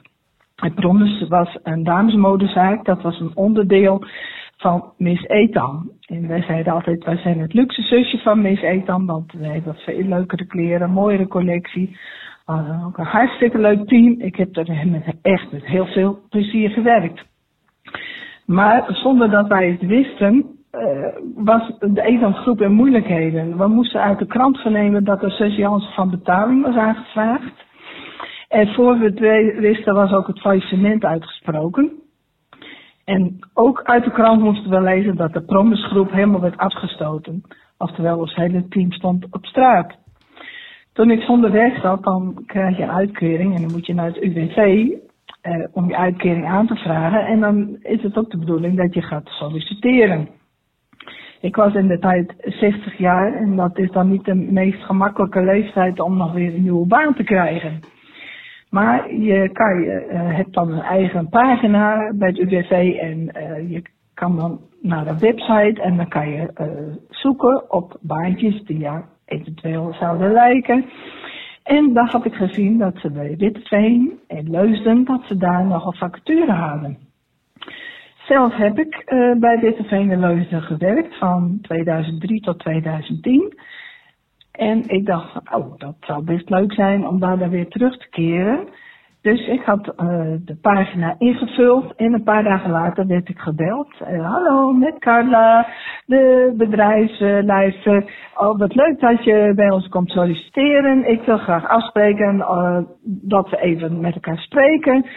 Eh, zou je kunnen eh, bij de winkel en dan uh, s morgens om half negen, om half tien ging dan de winkel open. Dan hebben we even tijd om alles door te nemen. Nou, prima. Daar afgesproken. Ik meen dat het dinsdagmorgen dus. Ik was er keurig op tijd. 20 over acht, want je wil niet laat zijn. En ik stond er te wachten in de, de en in die winkelpassage. Alle winkels nog dicht. Alleen Groene Boer was open. En ik zag niemand en nergens brandde licht. En het werd later en later. En op een gegeven moment om negen uur ging de telefoon. En toen was het, hallo met Carla, wat ben je? Want uh, ik, ik, zit hier op je te wachten, wat ben je? Ja, ik, ik sta hier voor de winkel en ik zie niemand, de deur is dicht. Wat bleek nu? In Leusden was een bedrijfsleider, die heette Carla. Maar in Zeist was ook een bedrijfsleider die Carla heette. En ja, Zeist heeft het niet gedaan, want dat ging maar om tien uurtjes. En ik had geen eigen auto, dus dan moest ik met... Uh, uh, openbaar vervoer naartoe. En ik had dat in het verleden, ben ik er al een paar keer ingevallen. Dus ik weet uh, hoe ver dat reizen was. Ik was dan minstens een uurtje onderweg. En voor tien uurtjes in de week, nee, dat was niet de bedoeling. Ik heb nog wel meer vertel te vertellen van mijn tijd dat ik uh, geen werk had. Maar dat doe ik dan wel even weer met een mailtje. Want anders dan zit ik weer veel te lang te kletsen. Jongens, dus veel plezier met de opnames. Liefst van mij. Doeg!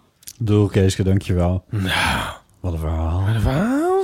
Weet je nog dat Babette belde? ehm, over die eh hugenoten achternaam van haar. Ja, Dan zeiden we nog van, ja, laat nou even weten hoe dat... eh, ja. Hallo, met Babette. Ehm, van de Franse achternaam, de Hugenoten. Ehm, het is inderdaad Babette, als in Babette van Veen. En ja, de crux met die achternamen is dat ehm, zo weinig mensen ze hebben, dat er ook niemand ehm, mijn voor- en mijn achternaam heeft als combinatie. Dus vandaar dat ik de achternaam niet heb genoemd, want ik ben altijd nogal ingewikkeld met privacy en zo. En eh, ik haakte in op eh Ipe, die vertelde dat als mensen hem vragen, oh Driessen, oh Friesland zeker, dat hij tegenwoordig dan gewoon ja zegt. Dus ehm, dat was in mijn hoofd een heel logisch bruggetje. Ehm, en dit hoeft verder natuurlijk allemaal niet in de podcast, maar eh, voor, de, voor de statistieken zullen we zeggen. Bedankt, ik luister altijd heel graag en ik vind het fantastisch. Dus veel dank. Dag. Ja, maar Babette moet wel in de podcast, maar nu weten we het nog niet. Nee. En ik snap dat voornaam Babette in combinatie met een Huguenot achternaam dan misschien vrij uniek is en googlebaar is. Maar ze had natuurlijk het bericht ooit moeten inspreken met alleen haar achternaam. Jeetje. Dit is Ja. potten wat slim van jou. nou ja, goed. Inderdaad. Maar, maar ja, die, is- dat, die, Konden we de tijd maar terugdraaien. die, die zaak is nu verloren. Dat is Dit is voor de eeuwigheid. grappig. Mensen zeggen, als ik zeg dus bij Ipe, dat het natuurlijk van Fries, niet bij Driessen. Oh, bij die- ja, nee, precies. Nee, Babette. Babette. Ze heeft gewoon voor- en achternaam een beetje mixed ja, up. Weet je wat wij met links en rechts hebben, heeft zij met voor- en achternaam. Ehm, we zullen het nooit weten. Nee, Ja, Werner... Kan heeft ze het niet appen? Ja, maar dat- is Nee, ja, voor ons. Gewoon alleen voor ons, niet of voor de vrienden van de show. Voor de vrienden van de show. Gewoon dat wij het weten. Ja, dat zou al wel, dat zou weer wel een, een, een, een openstaand vakje op onze to-do-lijst afvinken. Of, of openstaande kwestie. Oh, dat doet me denken aan de show van. Paulien. En dat het dan... Dat je dan aan de hemelpoort staat en dat dan iemand met zo'n klapbord komt... en die dan nog alle Ja, dingen die je niet weet ja even, even. komt verduidelijken. Van, ja. eh, nou, die Babette, die, die, toen belde, Ja, en die die hugenoten, die heten... de Favre de Montigny. Ah. Ja. Zullen we verklappen dat je tegenwoordig naar de eeuwfoon kan appen? Mensen, nu hebben we toch even een bijzondere Ik, mededeling. ik kon ook niet meer nee zeggen, maar Nee. het geeft ook niks. Dit is toch weer een doorbraak en innovatie. Van, het, van een technisch Ja, hoogstaand En niveau. waarom weten we eigenlijk ook niet. Nee. Ik bedoel, willen we eigenlijk wel dat mensen gaan appen? Nou, in ieder geval, het is dus dat, dat je, je kunt dus nu whatsappen naar de eeuwofoon. Ja, Whatsappen. WhatsApp. Ja, wat zei je dat WhatsAppen. weer? Wat zei je dat weer heerlijk? Wat vreselijk. Ja. Ehm, Ja, dat kan dus nu. Ook een Dat. Griek-tutelaar? Is ongelooflijk. Ja. Ja. Wat, ja, wat moeten mensen dan appen eigenlijk? Nou, gesproken berichtjes. Want want we gaan niet discussies of zo. Ik bedoel... Oh, gesproken maar- berichtjes. Ja, Ja, je kunt dus een voice memo opnemen en die dan sturen. ja, Oh, dat is handig. ja.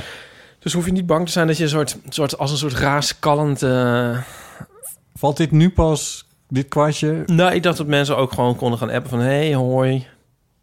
Ja, en dan? Ja, weet ik. Dus daarom dacht ik ook van... waarom heb je dit eigenlijk aangezet, botten? Ja, om de, om de voiceberichtjes. Om de voiceberichtjes.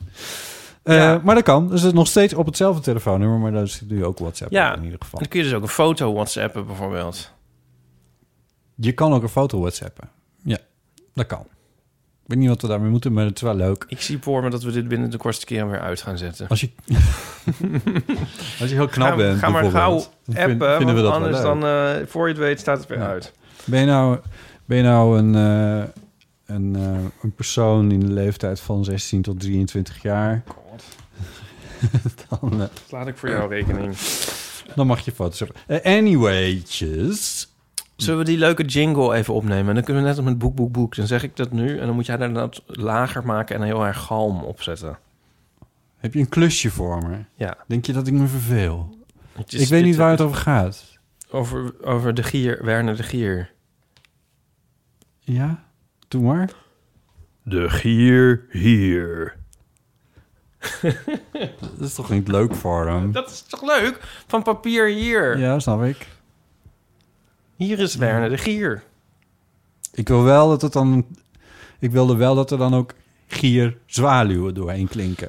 Ja, dat is dan toch aan jou? Ja. Nou, ga kijken wat ik voor je kan doen. Ja, ik had de melodie niet helemaal goed, denk ik. Ik ga het nog één keer proberen. De gier hier. Klinkt dat zo? Ik weet niet, ik ben nooit in de Efteling geweest. Echt Ehm, niet? Je hebt nee. echt een ongelukkige jeugd gehad. Nou, dat valt wel een beetje mee. In het noorden van het land waren ook heel veel heel leuke... Luisteraars, even een oproepje voor de luisteraars. Wie neemt Botten een keer mee naar de Efteling? Nou, nee, ik geloof niet dat ik daar per se naartoe hoef. Maar ehm, Is leuk hoor, het is best wel leuk. Het is trouwens ook heel erg gay, wist je dat, om de Efteling leuk te vinden. Bram de Wijs- Zo'n soort gays voor de Efteling. Bram de Wijs die zegt altijd Zoals dus heel gays mooi voor Trum, maar dan voor de Efteling. dat hij, ehm, dat hij, dat hij nooit heel, dat hij nooit heel blij wordt van eh, georganiseerde pret. En dat eh, fenomeen deel ik een beetje met hem. Je bent er nog nooit geweest. Ik ben wel in pretparken geweest. Welke? Jeetje. Eh, nou, eh, hoe heette dat ook weer? Six Flags heet dat nu? dat, dat heet ook al niet meer zo natuurlijk. Dat ding eh, in het Flevo, Flevo, Flevo dinges. Ik ben vergeten hoe het heet. Maar je hebt daarbij, eh, waar, waar eh, Lowlands altijd is, bij Biddinghuizen heb je zo'n groot ding. Je was een soort collectieve ogenrol door, de, door het land trekken. Ja, Nee, maar ja, is- ik vraag er toch naar. Ja, dat weet bedoel, ik. Ja, Ga een keer naar de Efteling. Dat is heel leuk. Je kan naar het Sprookjesbos. Dat is echt superleuk. En naar het Spookslot. Dat vind ik het leukst. Ja, ik ben ook niet super fan, maar je moet er toch één keer in je leven geweest zijn. Je moet je toch één keer in je leven geweest zijn? Dat moet wel echt. weet ik niet. Verkeerspark in Assen. Ben je daar wel eens geweest? Ja? Ja, dat vonden wij fantastisch. Nou, dat vond ik destijds ook leuk. Ja. Maar Jemig. het is niet helemaal voor mijn leeftijd. Anyway, ik weet niet. Misschien als je... Nou goed, hoe zat dat nou? Het is niet van niks dat ik over Bram begin. Want Ja, hij was met...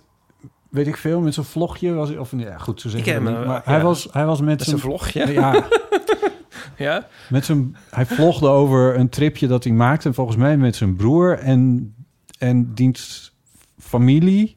Ja? Ehm, met kleine kindjes dus. En Volgens mij was dat Efteling waar ze naartoe gingen, maar ik weet het niet eens helemaal zeker. En daar kwam ook ongeveer zo'n zo'n conclusie uit van, nou ja, goed, het is ook niet helemaal gebouwd op, eh, op, op, het is gebouwd voor, ja, I don't know, weet ik veel. Ik- Ik hoef niet naar de Efteling. Er zijn wel andere dingen. Er zijn heel veel dingen waar ik naartoe wil. Efteling staat niet hoog op mijn lijstje. Oh, ik wou echt Geen zo, ik zou zo graag willen dat ik nu een blik van verstandhouding met de luisteraars kon uitwisselen. Maar is goed. Oké. Ehm, Ik ook, Ipe met de andere helft van onze luisteraars. We kunnen toch dingen Laten we even hoger... een poll beginnen. Hoger, nee. Vind jij Nee. dat Botten één kunnen- keer in zijn leven Wat naar de is Efteling dat nou? moet? Ik kan toch zelf ook iets vinden? Je kan iets vinden. En, en dingen staan hoger en lager op mijn verlanglijstje. En de Efteling staat niet heel hoog op mijn verlanglijstje. keer met Nico en mij naar de Efteling. Nou, kijk, nu verandert het al. Want dat lijkt me dus best gezellig. Aha. Je hoeft ook niet in je eentje naar de Efteling. In de regen, op een soort In november. koude winterdag. Het is ook, dat is ook dus deel van de fun. Dat je daar met mensen naartoe gaat die dat ook leuk vinden. Dan, kun je naar, eh, dan kun je naar de Droomvlucht, de favoriete attractie van Geert Wilders. Oké, goed. Dus, maar wacht even. Nu zitten we in de categorie dingen die ik zou doen met, met Ipe en Nico. En daar kunnen we ook een lijstje van maken. En daar zou de Efteling op kunnen staan. Ja. Er zouden nog andere dingen op kunnen staan. Nee. nee, wel. wel ja, nee, Nou ja, tuurlijk. goed. Ja, maar Ja. eh, ja. Nou, dat bedoel ik. Dat is alles wat Wat? ik bedoel. Ik, ik disqualificeer de Efteling niet. Mensen die het leuk vinden, disqualificeer ik niet. Maar het is niet mijn kopje thee. Denk je. Oké, ja. Eh, we gaan verder naar onze huisbioloog. Alsof ik compleet belang deze wereld in ben gestapt. Maar goed, anyway. ehm, onze huisbioloog, Werner de Gier... waarvan later nog een jingle komt... ehm, die eh, heeft ingebeld. En hij, hij legde het eigenlijk zelf verder helemaal uit... hoe de vork in de steel zit. Ah, tot eh, Ipe en eventuele leuke, gezellige gast. Eh, met Werner, jullie huistuin- en keukenbioloog wederom. Ehm, ik had nog een paar dingetjes om aan jullie uit te leggen. Jullie hadden me daar natuurlijk om gevraagd, dus eh, ja, wie ben ik dan om het niet te doen? Ehm, ten eerste over de lieve heersbeestjes van een paar afleveringen geleden. Want eh Ipe, jij had het er volgens mij over dat eh lieve heersbeestjes heel erg konden verschillen in aantal stippen. Of juist niet, ik weet eigenlijk niet meer wie wat zijn. Juist niet. Eh, maar dat ligt dus heel erg aan welke soort je in je handen hebt. Sommige zijn hypervariabel en sommige totaal niet. Dus die hebben een vast aantal stippen. Dus dat ten eerste. En ten tweede, van een paar afleveringen geleden ook. en natuurlijk iets wat vaker terugkomt. De nachtgierzwaluwen. Of de gierzwaluwen in het algemeen. Eh, ja, dat, dat is nog wel een verhaaltje eigenlijk. Want eh, normale zwaluwen zijn heel erg gerelateerd aan kleinere zangvogels. Dus zeg maar koolmeesjes en eh, ja, laten we zeggen roodborstjes. Terwijl de nachtgierzwaluwen en gierzwaluwen een hele aparte groep zijn en heel erg gerelateerd zijn aan kolibries. Dus iets wat totaal niet erop lijkt. Nou ja, ik geef jullie even weer wat gedachtenvoer. En als jullie nog vragen hebben, dan nogmaals weten jullie me te vinden. Oké, hey, veel plezier met de, uit, eh, met de uitzending, ja. en eh, tot de volgende keer. Tjus. Nog vragen? Ik heb, ik heb wel honderd vragen. Bars van de vragen. Maar weet hij wel wie wie is? Want hij denkt, denk ik, dat jij, ik, dat... nee. Ik, ik, van die lieve heers, beestjes, stipjes snapte ik toen het uitgesproken werd, snapte ik niks. en toen ik het monteerde, snapte ik het nog steeds niet. Maar hij heeft het nu uitgelegd. Nee. Namelijk dat het wel en niet zo is. Dus dat, dat ging wel goed. Maar wacht, hij stuurde nog even een berichtje naar mij. Nadat Oh. hij dit had ingesproken. Zei, Oh. Hey Botte, ik heb een paar dagen geleden iets ingesproken... maar ik kom er nu achter dat ik een klein foutje heb gemaakt. Ik denk niet dat het nodig is om opnieuw in te spreken. Mocht je dat willen, let me know. Maar zou je misschien een kleine disclaimer willen noemen over het stukje? Ik had namelijk over de gierzwalen... Ik had het over gierzwaluwen en nachtgierzwaluwen... Maar ik bedoelde alleen gierzwaluwen. Nachtzwaluwen zijn een heel ander slag vogels, niet gerelateerd aan zwaluwen of gierzwaluwen. Sorry alvast.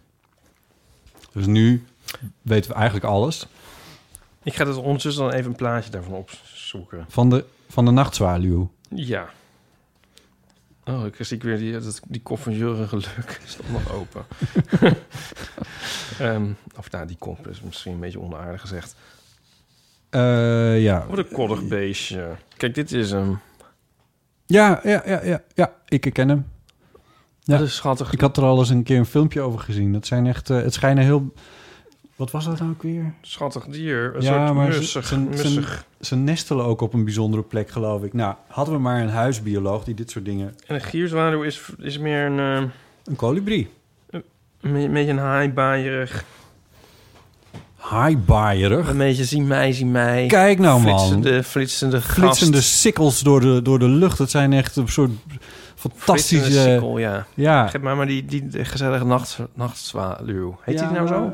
Ja, nachtzwaluw. De Ja. gierzwaluw. Gierzwaluw is... Ik ben echt een enorme fan. Zullen we nog een keer dat bericht luisteren? Want nu heb ik toch iets meer in beeld. Hè? Nog een keer bericht luisteren. Je luistert de podcast maar. Oh ja. Ja. Ehm, Nu we toch in de diertjes Dit is ook weer zijn. zoiets. De nachtzwaluw, behorende tot de orde der nachtzwaluwachtigen. Die indeling. Ik had ook bioloog moeten worden. Die, het is eh, gewoon Ja, die mi- dermatologie. ta- hoe heet het? taxonomie. Taxonomie, die is fantastisch. Ja. Ja, dat kan wel de titel worden. Nana, Nana's naveltruitje en de, en de orde van- der nachtzwaluwachtigen. Volgens mij is het tijd eh, voor de jingle van... Egel. Egel. Ipe, je bent nog steeds de egelambassadeur der Nederlanden. Ja, begonnen tot de orde der egelambassadeurachtigen. Ja. En ehm, ja, ehm, komt er niet altijd van om alle egelnieuwtjes te behandelen. Nee, het is ook zoveel. Het is ook zoveel. Eh, ik kreeg heel veel post. Ook veel post. Ehm, onder andere van Remco. En die wees erop dat in de, een recent nummer van Donald Duck... de neefjes, Kwik, Kwek en Kwak... niet te verwarren met Lissy, Jultje en Babetje... Ja. ehm, een inzameling houden voor stekelloze egels. Ach, Ach, wat grappig. ja. Geestig. Ehm, dan kreeg ik van Richard een filmpje ehm, van egels in een vakantiepark. Ja, dat was weer een beetje zo'n gevalletje van... Ik vind dat dan eigenlijk dan nooit leuk. Van die, ook van die kaarten zie je dan wel eens van een hond met een Hawaii-shirt en een zonnebril op. Ja, En dan denk ik zo van... eh laat ze met rust ja, of zo. En dan zo van die dieren in zo'n ge- gemanipuleerde situatie. ja, Mhm. Toch een beetje moeilijk. ja. Maar ehm, nou moet ik zeggen dat ik bij dit filmpje wel echt keihard in de lach schoot. Dit was een reclamefilmpje voor een vakantiepark? N- Nou, het was. ehm, je kan het even zelf opzoeken op YouTube. Eh, dan moet je zoeken op Hedgehog Holiday Park. Ja. En het is volgens mij een reclame. Het is een vakantiepark, volgens mij een Brits vakantiepark. En die proberen een soort goede sier te maken met een soort egelopvang on the side. En dan hebben ze een soort vakantiepark voor die egels getimmerd. En dan Oh ja. die egels doorheen. En het is- ziet er wel ongelooflijk geestig uit. Oh. Maar of we dit nou helemaal hiervoor zijn, weet ik eigenlijk niet zo goed. Maar dat aan moet de andere kant, we kunnen ook wel overal moeilijk over gaan doen. Het is een beetje de kern van, Van deze podcast. bestaan. Maar goed, ja. Ja. Oh, dan had ik de vorige keer eigenlijk willen zeggen, omdat toen een nieuwe maand begon, ehm, waren de mensen natuurlijk ook heel erg benieuwd wat egels dan in die nieuwe maand eh zo al op de agenda Ja. hebben staan. Ja, ja wij publiceren het op 20 natuurlijk. november. Als ze ook Rick Pastoor lezen. Rick Pastoor. Ehm, maar, ehm, dus dat is alweer bijna voorbij. Sorry, maar, ik snap het niet. Wat zeg je nou over Rick Pastoor? ja, wat egels op de agenda hebben staan. De digitale Oh, zo? agenda. Oh, oké. Ja. Ehm, eh, voor een aantal egels is de winterslaap begonnen. Ja. Dus inmiddels voor nog weer meer. Ehm, anderen proberen het laatste voedsel bij elkaar te zoeken... om met zoveel mogelijk vetreserves ook aan de winterslaap te beginnen. Ja. Dus daar zijn ze druk mee. Ja. Ja. En eh, ik kreeg dus van de week ook op Insta een, eh, een foto van iemand die op klaarlichte dag in de zon een egel eh, zag zitten en die ook niet al te veel bewoog. Ja, dat was denk ik dus niet helemaal. Dat, dat is niet goed, toch? Dat was eigenlijk niet goed. Maar die, ehm, maar dat, ja, dat was al te laat. Oh. nou, niet al te laat. Nou die ja. was weg. Die, ik bedoel, toen ik dat zag, toen was ze al niet meer. Ze stond er ook niet meer naast. Nou, Vind je dan dat zo iemand een, een, een eh, dierenambulance moet bellen? Of, of... Ja, je kan altijd bellen en dan kijken wat zij zeggen. Ja. Oh, dat is een goede tip. Toch? Ja, altijd bellen en zeggen wat zij zeggen. Nee, kijken wat zij... Nee, hoor... Nou ja, goed. In ieder geval, wat je zei. Ja, maar misschien was het helemaal niet erg. En was hij nog even... Want ze zijn dus nog wel... Ja, weet ik veel. Ik wil ook niet iedereen weer de put in praten. Weet ik veel. Je bent eh allemaal zo... Nee, Nou, maar ga verder. ik Ja. bedoel, Ja, nee, eh, laat je niet afleiden. Ja. Eh, eh, hè? Ja. Je denkt ook wel eens van... Oh god, daar is, ligt er iemand dood op straat... en dan is het gewoon iemand die eventjes uitrust. Ja. Ik, eh, kon, dit komt niet meer goed. Nee, die kon... Nou, en dan was er ook nog iemand... ehm, Samiha, Ja. als ik het- dat goed zeg... die had een, eh, mail over... eh, eh, zij heeft een proefschrift geschreven over... Ik kan het beter gewoon voorlezen. Ja. Tijdens een rechtspraakonderzoek voor mijn proefschrift... stuitte ik ineens op een ego-gerelateerde uitspraak... die ik jullie niet wilde onthouden. Houden. Het gaat om een ontslag van een tramchauffeur... die ervan wordt beschuldigd stenen op de rails te hebben gelegd. Zijn verweer was dat hij eigenlijk uit de tram was gestapt om een egel te redden. Maar dat bleek bij lader- nader inzien een blikje te zijn. Dat is een beetje vaag verhaal, maar oké, ja. Ja, de rechter vindt het verhaal ook niet geloofwaardig. Nee. De kantonrechter acht het niet waarschijnlijk dat werknemer in het donker en een relatief gezien snelrijdende trein op een afstand van ongeveer 50 meter een egel of blikje heeft kunnen zien. Ehm, maar nu komt eigenlijk de crux van het verhaal. De kantonrechter is overigens bikkelhard over het wel en wee van egels. Werknemer heeft bovendien onnodig levensgevaarlijke risico's genomen door zich zonder acute noodzaak, het redden van een egel achter kantonrechter dus niet acuut, op een in bedrijf zijnde trambaan te begeven. Oh. Ik begeef me voortdurend op in bedrijf zijnde trambanen, Ja. maar goed, oké. Nou, Samia zegt, het gaat nergens over, maar ik moest er in ieder geval heel hard om lachen en bovendien meteen aan jullie denken. Ja, Mooi. Duidelijk. duidelijk. Ja. ja. Einde van de rubriek? Ehm, ja, ik heb volgens mij weer al inmiddels ook weer alweer nieuwe berichten over egels gekregen, maar die, anders schuiven we die wel even door naar de Ja, volgende dat keer. is goed. We moeten een beetje afronden, maar ik heb nog één. Oh ja. Komt echt eh, heet van de naald eh, komt dit binnen. Eh, een berichtje van eh, Nico Naus. Eh Botte, het verhaal dat Russen een potlood meenamen de ruimte in, klopt niet. Ook de Russen waren op zoek. Het ging over dat jij had een pen cadeau gekregen van Ja. iemand, een astronautenpen. Of een ruimtepen, of weet ik veel hoe heet dat ding. Ook de Russen waren op zoek naar een alternatief. Potloden zijn problematisch om meerdere redenen als je in de ruimte bent. Meer vertelt het verhaal niet. Hè? Ja, Zeg even welke redenen dan zo al. Ja, nou, mocht je, mocht je Nico Nauws nog tegenkomen ergens in de komende periode... Maar als je dat nu vraagt, dan kunnen we misschien nog in deze aflevering hier het antwoord op geven. Nee, dit wordt de cliffhanger. Vrienden van de show. I don't know. Ik wil afronden. Oké. Er zijn nog eh, recensies op... eh, Apple Podcast, ja. ja, is dat iets anders dan iTunes? Ja, iTunes bestaat eigenlijk niet meer. Oh. Het is uiteindelijk natuurlijk precies hetzelfde, maar ja. Ehm, ehm, helpt, schrijft... Ma, oh nee, dat is maandag. Suzanne by Design schrijft dit, helpt. Eh, ze geeft vijf sterren. Heel van de amateur heeft mij door een eenzame en nare burn-out geholpen. Bij aflevering 1 begonnen. Het is mijn allerlievelingspodcast geworden. Laat je hart op lachen, la- laat je hart op lachen en genieten. Ja. Goed. Of heb ik dit al eens gezegd? Schrijft ze erachter. nou, eh, fijn, Suzanne. Tjus. Eh, en dan zegt Duke Amsterdam... Fijne podcast. Podcast. Of is- is de printer hier gewoon... Heeft hier, nou, maakt niet uit. Vijf sterren.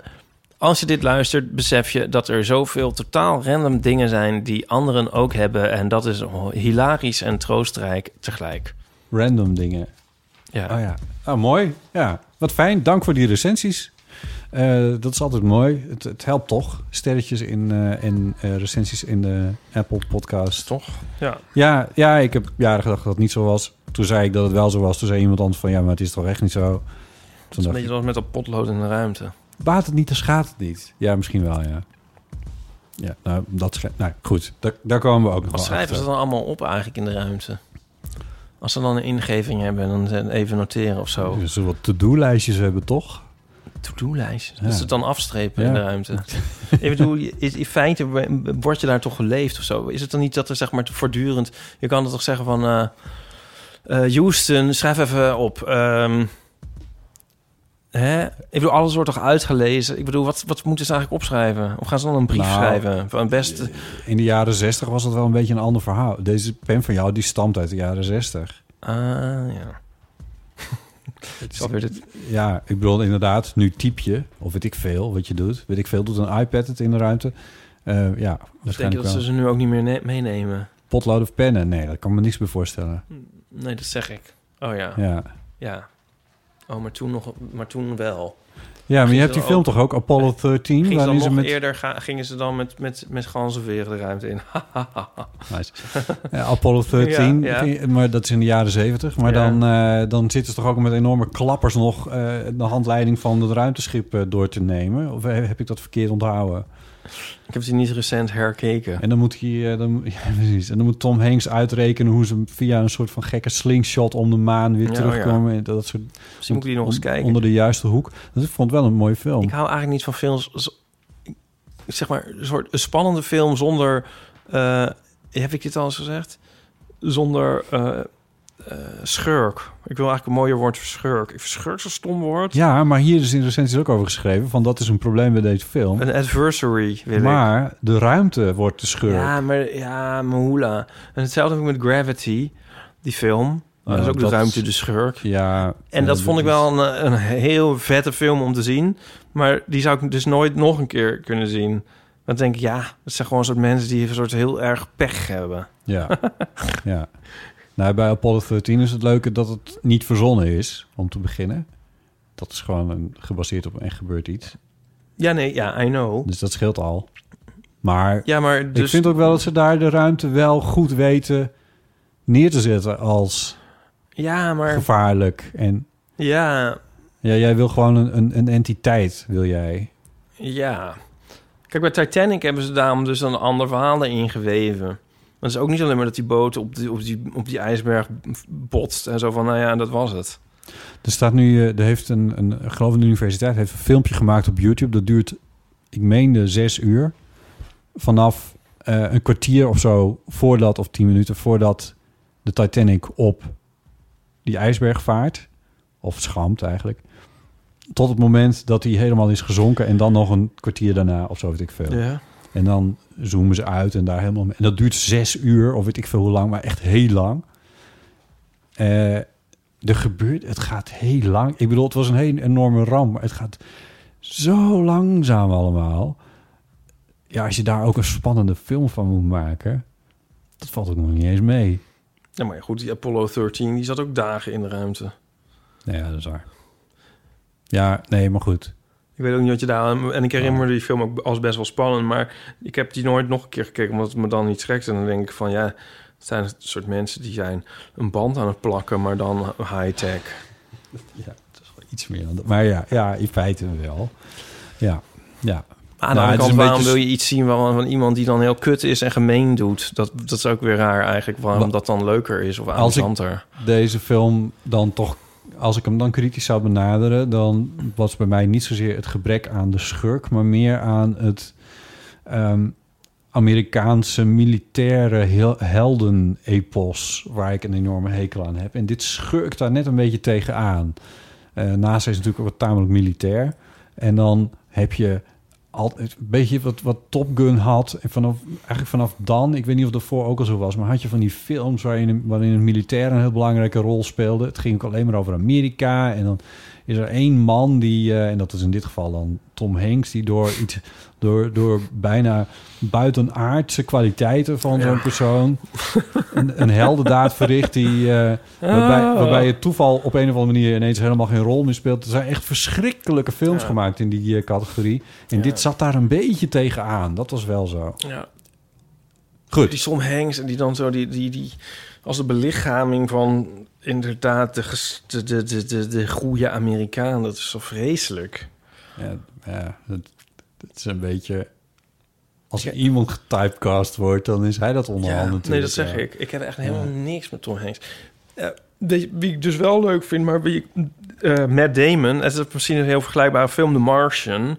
Ja. Die heb ik dus ook nooit gekeken, omdat ik dan ook denk van ja, eh, ja, pech voor je, Ja, daar Mars. ja, Terwijl, eh nou goed, ja. interessant hè, luisteraar. Heel leuk, Volgende heel leuk. keer Volgende hebben we keer. iemand volgende keer. Een aflevering gevuld over Hugh Grant. Die is wel leuk, toch? Ja, maar die wordt ook wel voortdurend getypecast in exact dezelfde rollen.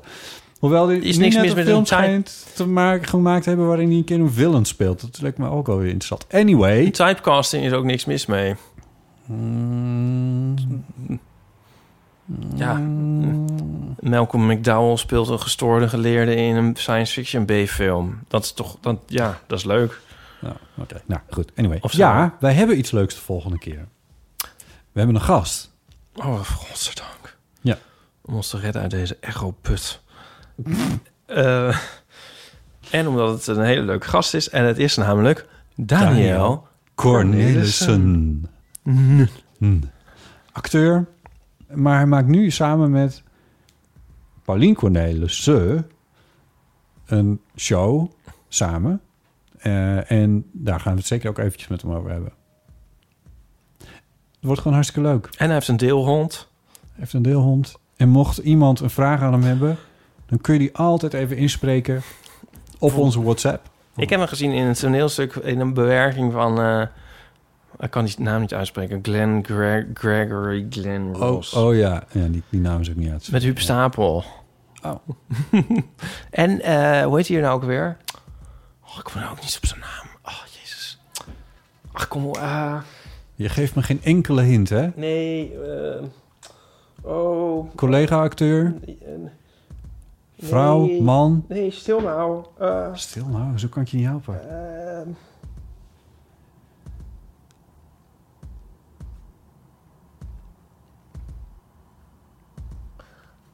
30 minuten later. Oh, pressure. Oh, ik heb dit steeds meer... Ik ben denk ik een beetje overs, overspannen. Dat ik niet op dingen kan komen. Heb je dat nou wel vaker? Dat je, ja, je bent natuurlijk in de prime van je life, maar hoe kijk je naar onvermijdelijke verminderde intelligentie en andere vormen van teloorgang? Kan niet wachten. Goed, daar gaan we het volgende week wel met hem over hebben. Ik heb ook eh, verschillende volgens mij verschillende voorstellingen van hem gezien. Anyway, het wordt gewoon hartstikke leuk. Mensen kunnen vragen aan hem. Als je dat leuk vindt, kun je dat eh, eh, inspreken op de eeuwfoon. Je kan naar de traditionele voicemail bellen. Maar je kan ook een WhatsApp spraakberichtje achterlaten. Tekstberichtjes lezen we daar niet van voor, maar ehm, spraakberichtjes laten we graag horen. Het telefoonnummer 06 1990 68 71. Ik sluit deze aflevering verder alleen af. Ipe zit in totale Google. Omdat... Jurgen Rijman. Wauw. Er waren twee hints nodig geweest voor mij om op die naam te komen. Namelijk? Tante S, BNR. Ja, dat, dat wist ik allemaal niet. Ja, Hoe kun je dat nou niet weten? Nou, goed. was, eh, was ge- geinig was dat. Ook andere dilemma's en levenskwesties en verhalen zijn welkom op de Eeuwfoon. Je kan altijd reageren op eh, de dingen waar we het over hebben gehad. Je kan mailen naar botten.eeuwvanamateur.nl uh, ipe.eeuwvanamateur.nl kun je ook mailen. We zitten op Instagram. Eh, tegenwoordig zitten we zelfs op Twitter. EeuwVD Amateur. Eh, en eeuwvanamateur.nl is onze website. Vond je deze aflevering leuk? Deel hem dan met vrienden, familie of collega's. En je kan natuurlijk vriend van de show worden via vriendvandeshow.nl. Driessen, dankjewel. Ja, eh, graag gedaan. Jij ook bedankt. Mijn naam was Botte Jellema. Tot de volgende keer. Tjus. Tjus.